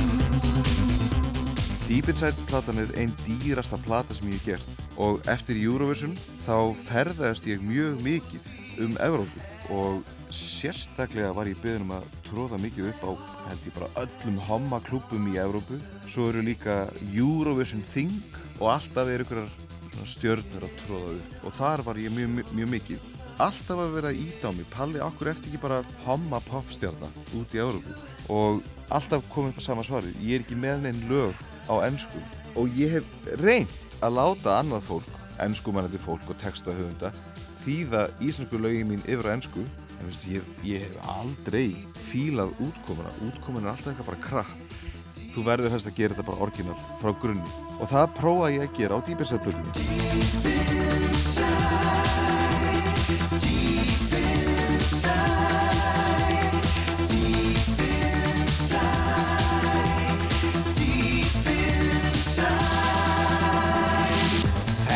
Smá að vera minn aðgöngumiði inn í Evrópu. Lagði allt undir og hún var unnin svolítið í einu grænum kvelli sko og það sem verða var. Og ég tek þetta algjörlega yfir á mig. Deep Inside platan er bara hálf bökuð kaka og það er erfitt að tengja við einhverja hálfbakaða köku. Íslandingar tengja síður við músik sem er sungin á ennsku þannig að ekki var hægt að selja hana hér. Í fyrsta sinn á æfinni þá var erfitt fyrir maður að koma lögum í spilin í útarpi mér fannst ég lappa bara á vegg. Fólk var bara líka búið að fá nóg af mér. Ég var búin að vera á fullu þarna síðan 91 og þannig er árið 99 komið. Þannig að það er líka mjög eðlilegt að bara að almenningur fái leið á listamannunum þegar hann er búin að vera þjöstnast á þjóðinni í 7-8 ár. Páll Óskar sagði frá þeirri áætlun sinni að gera plötu á ennsku sem myndi fylgja eftir þeirri aðtegli sem hann hlaut eftir framgöngu sína í Eurovision árið áður.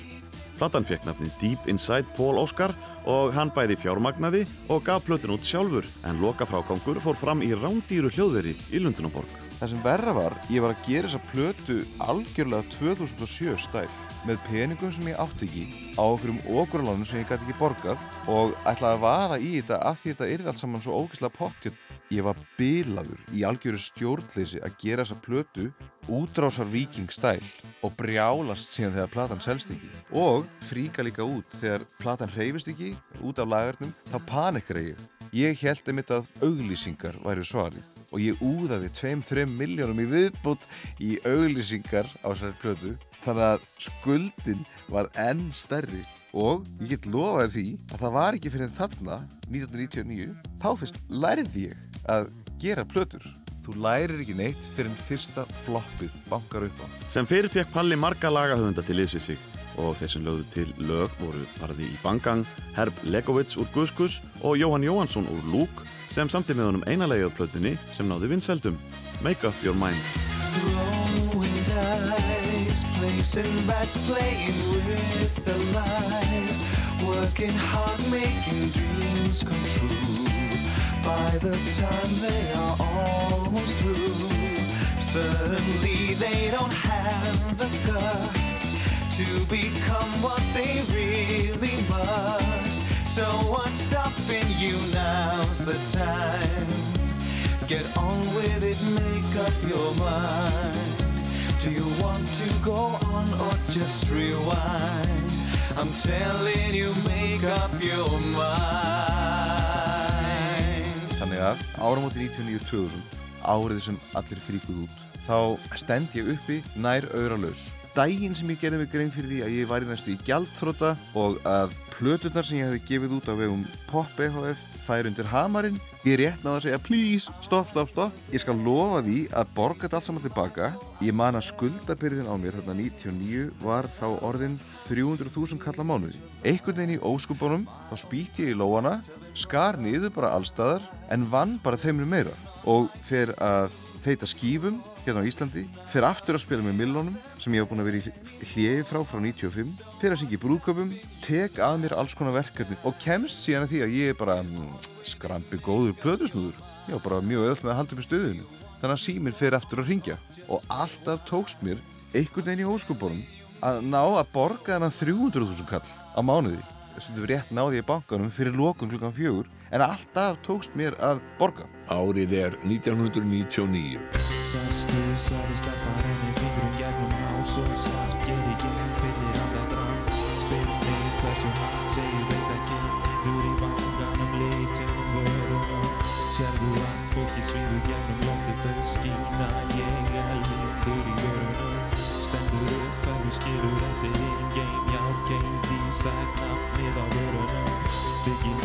og skotla Skotögu tendruð á myndunum Skugginn af þeim. Snertingar reyn Var komin Ef þú vilt skal ég hætta aftur áfram Ég er sokkin í sofanum Geðveikin mín. Rauður sófinn Ég var komin Sigursveit músiktilruna frá árinu 1996, Stjörnukissi, sendi frá sér sína þriðju smáskifu, sömari 1999. Á plötunni voru fjögur eldri lög hljóðblönduð upp á nýtt, en einnig tvö nýlög, rockarinn Lesbíuhælið og lægið Flottur sófi, sem fekk fínar viðtökur.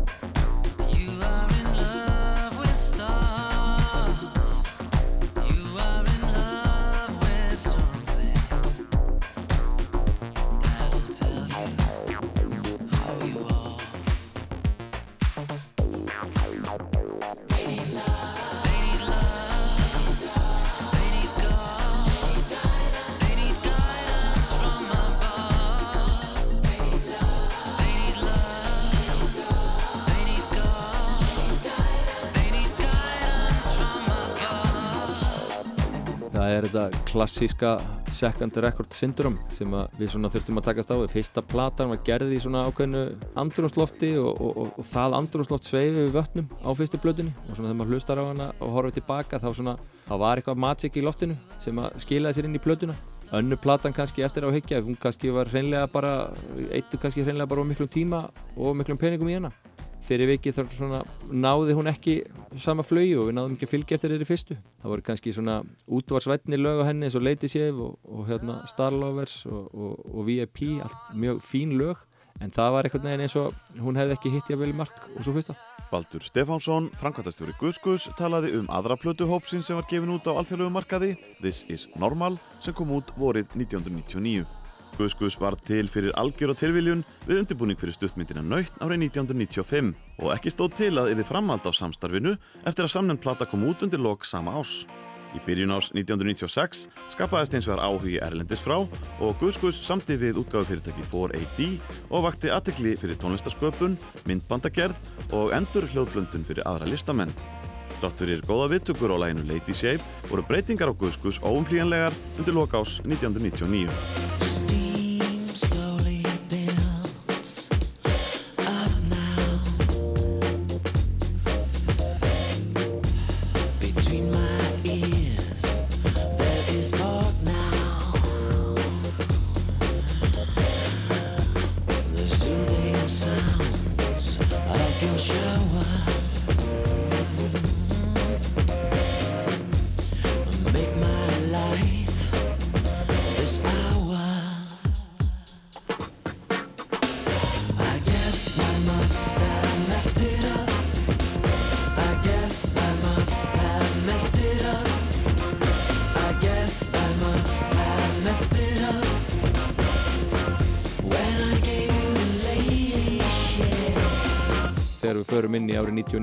og geðum út næstu plötu þá var það eiginlega velgengni hennar sem að við vissum alveg myndi ráðaði hvort þetta væri komið til að vera, þetta setup.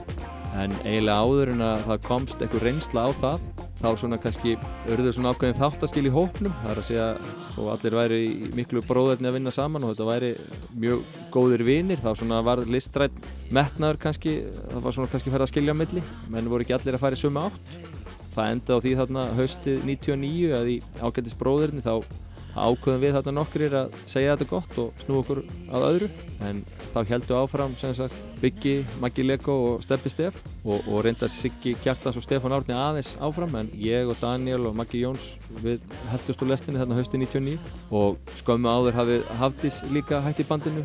Það var nú kannski svona mesta dramaði kringu það en það var einfallega orðið þannig að samstarfi var orðið frekar þungt þá er nú lítið annað að gera heldur en að bara taka á því. Æsland Airwaves tónlistarháttíðin var haldin í fyrsta skipti haustið 1999 en hugmyndin að háttíðinni komur herbúðum Gus Gus flokksins. Þetta átti sér töluvert langan aðdraganda. Við vorum búin að vera alveg frá því 95-96 að reyna að komast í einhvers konar samstarf við flugleðir um að þeir myndu hjálpa okkur með ferðarkostnað, bæði flugmiða og farangur og annað. En þarna árið 99 þá náum við loksins svona stóra fundi með öllum helstu toppunum í Æslandir og, og seljiðum eiginlega það konsept að þeir ættu að fara í það að setja upp nokkra svona stóra íventa á hverjum vetri sem væri bara eyrnamertir þessum ástíma þegar að lítil sætanýting er í flugleðavélunum og við eiginlega teiknum upp þessa sín okkar sem var kannski ekki endilega neitt sem að koma okkur við en við svona lögðum þetta á borðu og, og sögðum að við verum tilbúinir að halda tónlistarháttíðina og svona bara sjá um hana til þess að sína fram á það hvernig þetta koncept geti virkað og reyndar mjög bjart sína þá og við getum mögulega selt nokkur hundru flugmiða sem okkur fannst mjög metnaðafull plan. Það, það þarna loksins kveiktu fluglaði menn á því að þetta geti verið sniðugt og, og það var farið samstarf og við nefndum þetta eiginlega í höfuðuð á, á fluglaðum svona í, í tilöfna samstarfinu þannig að Æsland Airwaves var eiginlega nafn sem við lögðum til og, og hefur síðan fest við háttíðina. Aðal tónleikar Erfesháttíðarinnar 1999 voru haldnir í flugskíli fjögur við Reykjavíkuflugvöld lögutaskvöldið 16. oktober en uppbytuna tónleikar voru á 50. kvöldinu á Gauki og Stöng þar sem hljómsveitinnar Land og Sinir, Maus, Dead Sea Apple, Bangang og Minus spiluðu. Gus var aðalnúmerið í flugskílinu en aðrið sem komið fram voru Thievery Corporation sem voru á mála hjá 4AD eins og Gus, Grindverk, hljómsveit Sigtryggs Baldurssonar, Hilmars Arnar Hilmarssonar, Mark Bell og Einars Arnar Benediktssonar, Zoe frá Danmörku og Soul Cuffing frá Bandaríkunum, Auk Kvarasi og Enzimi. Eitt sæti var laust og stóð út af stöðin Exit fyrir hlustendakönnun um hvaða hljómsveit ætti að fá að koma fram og þar var norlenska hljómsveitin Toymasín hlut skörpust á kostnað maus en í viðtali við morgunblæði sagði Átni Elliot forsprakki þeirra að þeir eru sopna liði til að kjósa sig. Fyrirtækið Herra Örligur var stopnað til að halda utan um Airwaves og Baldur Stefánsson, Þorsteit Stefensen og Snorri Sturluson heldu um stjórnartaumana. Hugmyndin sem við vorum alltaf með var að Æslandi Airwaves svona svipuð hátíð og það sem við þekktum frá Miami. Það er eiginlega svona skapalónið fyrir Æslandi Airwaves. Það er haldið alltaf í mars á hverju ári tónlistarháttið sem heitir Miami Winter Music Conference og ólíkt svona hefðbundnum tónlistarháttíðum til dæmis að við tekum Glastonbury eða Hróaskjöldu það sem að áhórundur eru einhvern veginn að, að hérna synda í einhverju drullu fyrir fram að sviðið og, og hljómsveitarnir eru geimdar í einhverjum rútum á einhverju baksvæði sko, og, og nánast horfa bara á klukkuna og býða eftir að komast á svið. Þá var Miami Winter Music Conference eiginlega hugsuð allt öðruvísi. Hún hugsuð svona meira sem bara ásáttíð tónlistar bransans það sem að tónlistamenn kemur saman margir litlir klubbar, menn getur verið að skoða veist, performansi hjá hverju öðrum og þarna myndir sem að sapna saman tónlistamenn og svona tengiliði tónlistamannana inn í plötugeran þannig að þessi tónlistarháttið eiginlega við heimfærðum hana hérna upp á Ísland og hugsaðum með, með okkur að þetta væri eitthvað sem væri gaman að gera hérna upp á Íslandi er að, að fá tónlistamenn til Ísland svona meira til þess að sína sig og sjá aðra eða hvern annan frekar heldur en þetta væri svona hefðbundin já, svona tónleika hérna flutningur og svo bara heim aftur. Alls komu 50 erlendir aðilar úr tónlistabransanum á Airwaves háttíðina fyrsta árið, mestmægnis frá bandaríkjunum. Kvarasi var einn sveitana sem var að kynna nýtt efni á vendarleiri plötu sinni og vöktu tónleikar þeirra mikla aðtikli. Já, ég held að það sé ekkert að neyta því að Airwaves hafi verið breakthrough fyrir Kvarasi. Þá kynntist ég og við þessu fólki sem myndi fylgja okkur næstu árin í okkar heimstúr og okkar útgáfi út um allan heim. Sko. Eila allir aðal playerannir, nokkur neginn, voru á Iceland Airwaves. Sölvi Blöndal, fórsprakki Kvarasi, rifjaði upp tækifærin sem komu upp eftir tónleika þeirra á Iceland Airwaves höstið 1999. Í byrjun þess ás kom Sölvi til landsins eftir að hafa eitt nokkru mánuðum í Suður Ameríku í algjöru fríi frá tónlistasköpunum.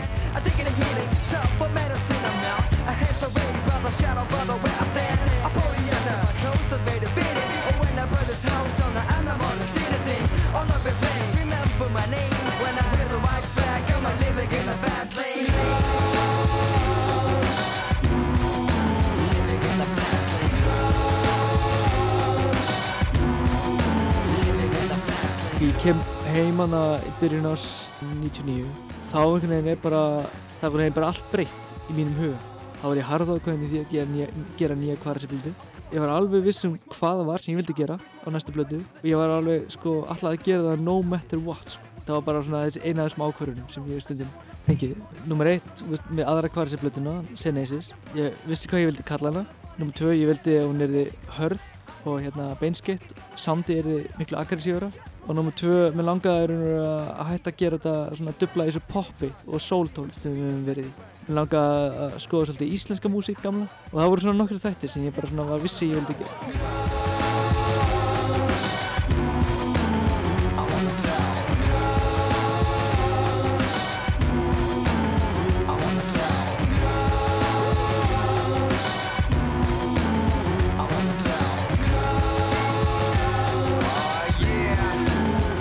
Kvarasi og lægin Model Citizen af plötunni Senesis sem kom út um haustið og í læginu er brot úr stuðmannalæginu í bláum skugga eftir Sigurd Bjólu. Í læginu Tarfur er sungið á íslensku og þar eru bútar frá óðmunnum og viðlæðið er fengið að láni hjá diskotúetinum Þér og mér.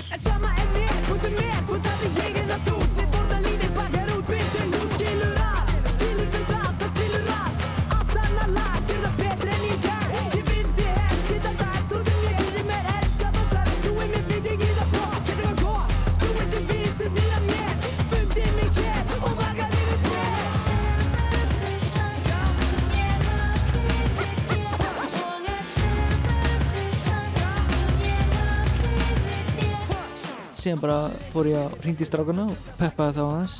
Ég held að við þokkalega verið sammála um það að ég vildi bara taka rockið aftur inn alveg bara big time sko og blanda því saman núna almjöla og þarna er raun og byrja raun og þessi breyting á kvarasi raun og úr því að vera hip-hop svona tilrjónaband ég verða bara svona hip-hop rockband og ég gaf bara tónin bara strax í, í fyrsta lægin sem við stikkum upp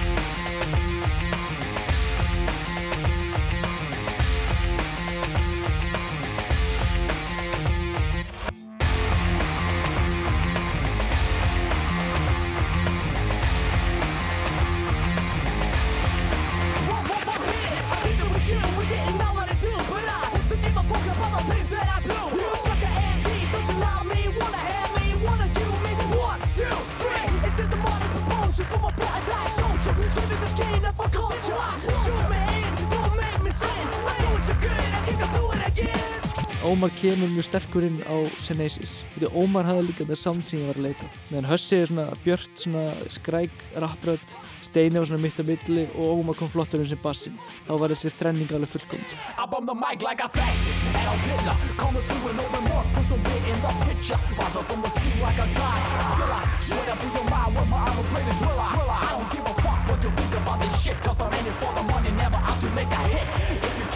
Like I said, get a grip, cause I'm here to fucking stay like the ones on your dick.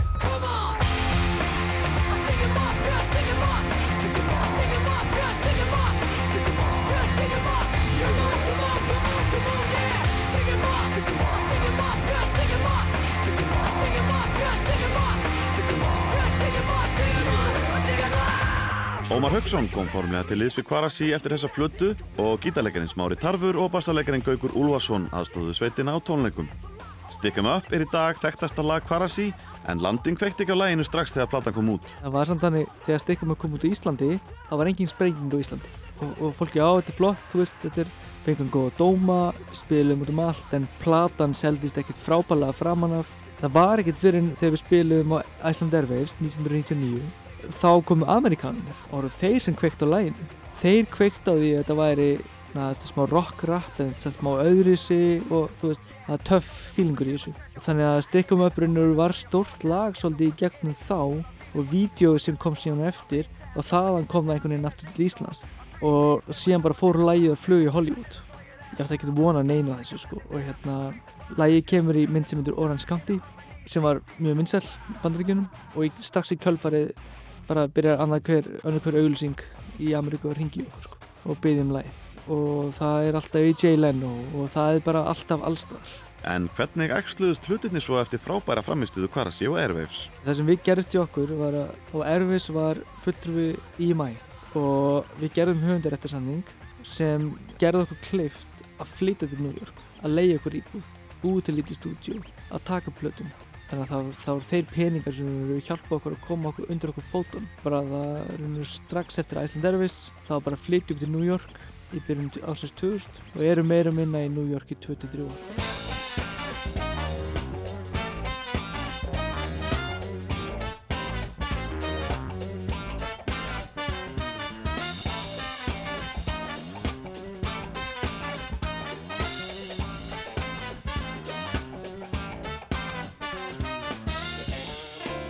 Fönksveitin Jaguar held uppi stöðinu víða um höfuborgina árið 1999 og tóku upp sína fyrstu plötu á tónleikum sem haldnir voru á litla sviðinu í borgarleikusinu í ágúst. Bræðurnir Börkur Rapp og Daði Birgisinir leittu sveitina á samt Eyjólfi Þorlefsinni, Inga S. Skúlasinni, Kjartani Hákonasinni, Rappni Áskirsinni og Sigfúsi Óttarsinni. Þegar básunuleikarin Samuel Jón Samuelsson, sem hafði verið í Casino í tvö ár, gekk í Jaguar, var fljótlega farið að undirbúa upptökur og útgáfu á fyrstu plötunni sem bar nafn hljómsveitarinnar. Öll lögin voru eftir meðlemi Jaguars og hér spila þeir lægið Theme for Miguel eftir Samuel og Rapp. Árið er 1999. Allir velkomnir inn í þennan heim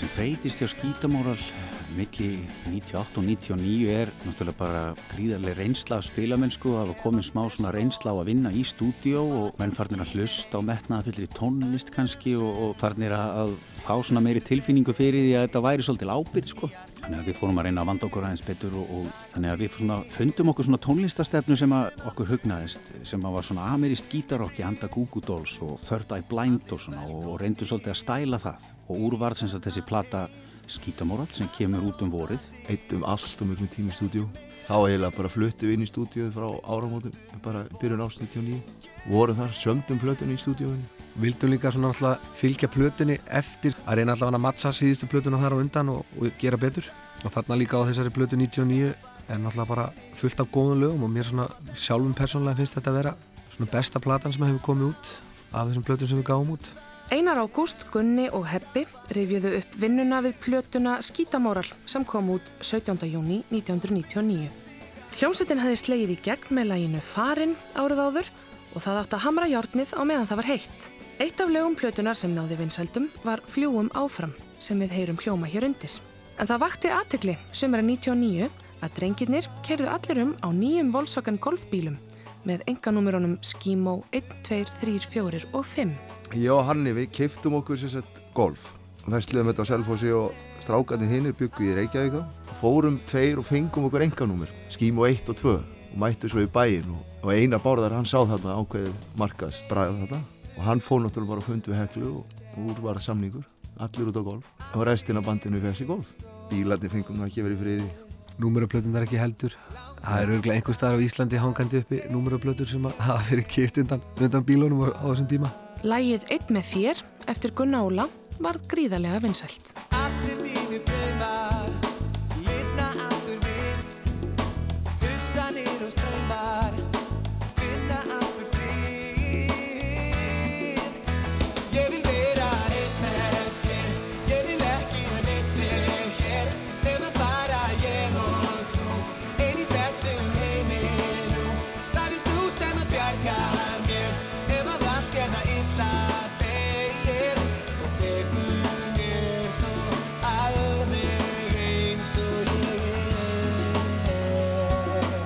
99 var bara eins og 98 það var bara endalega spilamennska fjögur kvöld í viku og allar helgar og mikið tjamað og Keiftum rútu þetta ár, að ég maður rétt líka. Flutum minn hérna, eins og við kvöldum Ramstein rútuna frá Þýskalandi. Við sagt, komum því áleiði svona í fjölmila og fleiri hérna á Íslandi. Við hefðum sem sagt keift notaða rútu sem var Ramstein hafi verið með út í Þýskalandi. Þetta, þetta var svaka flotta af konjastofa og 13 kójur og, og það var hérna sjómarp og, og vídeo fyrir alla sem vildu og við erum að vera fjármagnum hana bara fyrir ákveðin aðeins sem kerði okkur svo frýtt sumari sko og egnaði þessu rútuna. Við hó- við vorum náttúrulega í rútu allar helgar, gátum allir virkist þarna en þetta var svo sem ágætis kaup. Heimili, heimili á hjólum, fullt að góðum partíum margir í partíð þannig Ég held að séu nánast allir bara í bransanum sem að hafa stíðið inn í þessa rútu. Við vildi allir sjá Ramstein-rútunar en Ramstein hafði svo sem ekkert með þessa rútu að gera. þetta var enn eitt triksi hjá Guðmundi Gísla sinni að búa til eitthvað hæp í kringum þessu rútukaup Árið er 1999. En þessar sljómsveit skipað er Frosti Logason á gítar, Ottur Hrapp eða Krummi Björgvinsson, hann syngur. Björn Stefánsson spilar á trommur, Ívar Snorrason spilar á bassa og Bjarni Sigurðarsson á gítar. Hún kalla tónlistina Noise Metal Hardcore og ég verð að segja alveg nákvæmlega eins og er. Ég hef aldrei nokkuð tíman heyrt í harðara bandi á Íslandi. Þeir heita Mínus, takk ég vel á móti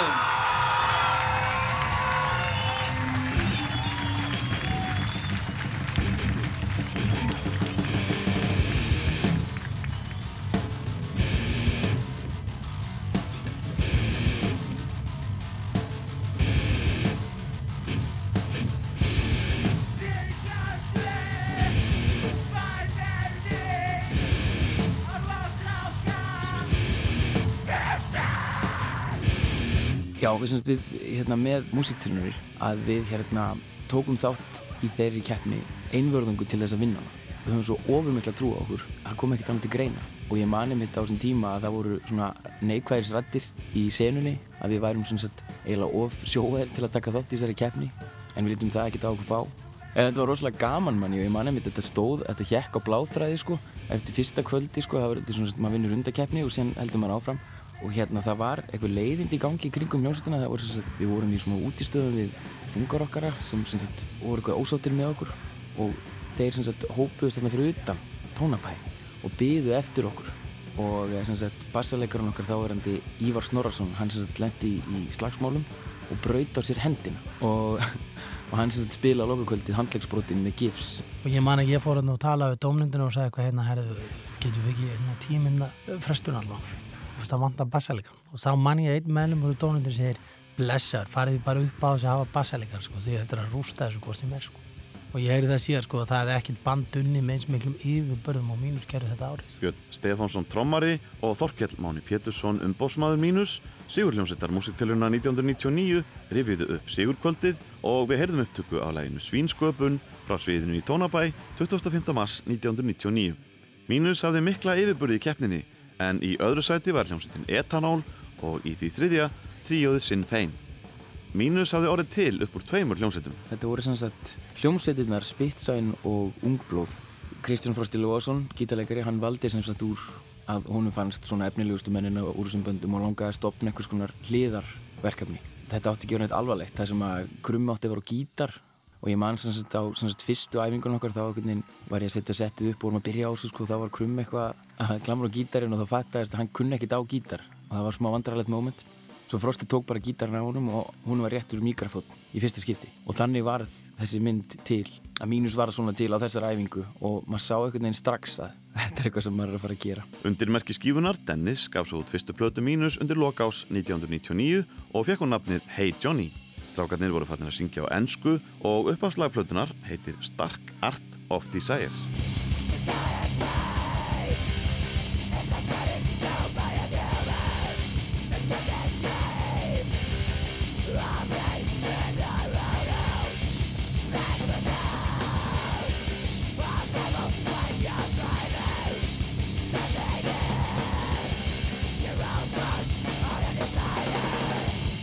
Og við sagt fórum að gera plötu með Jón Skugga sem endaði, svo plata endaði með að heita Hey Johnny. En, en það er magnað með þá, þá, plötu að hún er mitt svona sýnir hvað þetta band var þétt á þessum tíma hvað við vildum fara með þessari músík sem vorum að gera. Já, við þykir rosa vænt með þessa plötu. Þetta er svona þessi harkjarna tónlist og við hefum mitt svona sóttum rosalega mikið áhrif til Englands og Ameríku til banda eins og Canvas og Bots og Colesh og, og þetta er svona, þú veist, ótrúlega hart en, en rátt sko okkur langaði bara að gera eins ekstrím músík sem við mögulega gáttum gert og, og brjóta svona eitthvað veggi sem við komumstum ekki yfir áður og ég tel með þessari plötu á þeim, og þeim aldrei sem vorum á tókst okkur það og verðum smá svona leiðarar fyrir vissa senu í þessum, þessum þessari kjarnasenu sko. Fljótlega eftir útgáðu fyrstu plötunar fannst strákonum að hljómsveitin ætti ekki heima hjá skífunni. Mínus gáði síðan út Hey Johnny og það var svona strax komin lengur þá þeir vildi eiginlega íðikja þeir fannst þeir ekki eiga heima þarna á skífunni og vorum búin að gera þetta tveggja þryggja platan samning og, og Hey Johnny seldist ekkit brjálaðslega vel neitt. Og þeim eh, langaði strax að fara yfirgefa uh, skífuna. Þannig að ég sest niður með skífunni og díla við þá og segja við þá bara hérna að mínus vilja gefa strax út plötu sem var náttúrulega bara lígi þeir átti ekki neitt efni þá plötu eða neitt en, en þar sem ég vissi það að þeir sena hefði þurft að segja já eða lefum að fara þá var brúðið þá ráð og sena það náttúrulega sagði þá bara já þeir verða þá bara að fá að fara sko. og þá var farið á samiðu smeklis og þar voru mínuslega náttúrulega á, á heimaðli Árið er 1999 Ef er heim á rifin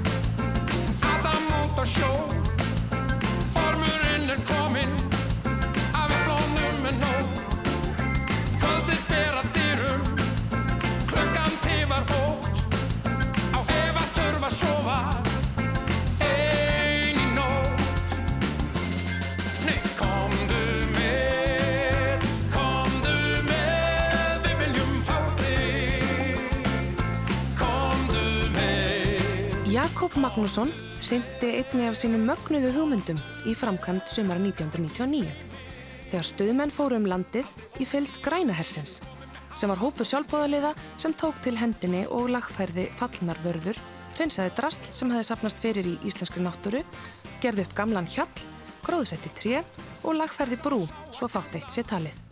Sjónvarsfólk var með í för og fór Kjartan Bjarni Björgvinsson sem hefði tekið þátt í gerð sjónvarstáttana Kolkarabans fyrir hópnum. Útkoman var sjónvastátturinn Gestasprettur. Stöðmenn heldur síðan dansleiki á hverjum stað í lok tiltaktarviku og sveitin samti kvartningarlægið Komdu með sem kom út á plötunni Svona er sömarið 99. Stöðmenn fögnuðu svo lokum 20. aldar og tóku á móti 21. öldinni með alheims þorpsfagnaði í laugadalshöll þar sem fjöldi listamanna kom fram með söng og gleði. Árið er 1999 Söluhæsta plata ársins 1999 var fyrsta sóloplata Selmu Björnsdóttur, I Am, með rúm 9000 eintök selt. Hljómleikaplata Sálarinnar Hans Jónsmíns, 12. ágúst 1999, fekk einnig frábærar viðtökur og seldist litlu minna, en heildarsala plötunar er yfir 12.000 eintök í dag. Saplata Bubba Mortens, sögur 1980-1990, seldist í 8.000 eintökum á árinu, en áður en yfir laug höfðu tæplega 15.000 eintök selst af sögunum hans Bubba. Hljómsveitin Sigurrós kom mörgum á óvart með því að selja um 7.000 eintök árið 1999 en platan hefur haldið áfram að seljast jamt og þjætt undanferðan ár og er komin í hátt í 25.000 eintök hér á landi en hefur hins vegar selst í nokkrum miljónum eintaka út um allan heim. Land og sinir gerða einni gott með plötu sinni Herbergi 313 og danskleðinar, tvöföld sapplata með helstu lögunum sem Vilhjálmur Vilhjálmsson hljóðritaði, náði guldsölu. Og þá er árið 1999 senn á enda. Ég heiti Sigriður Tollasíus. Umsjónamenn þáttarins eru Ásker Eithórsson og Gunnlaugur Jónsson og Jónatan Garðarsson aðstóðaði við handritskerð. Í næsta þætti skoðum við Íslenska tónlistarárið 2000 en við endum á SS Soul. Helgi Björns og félagar gaf út 10 ára amalisplötuna 88 til 99. Þeir spiluðu órámagnað á Hard Rock Café og Helgi afhendi staðnum kassagítar sem hann hafiði notast við þegar helstu lög sólarinnar urðu til.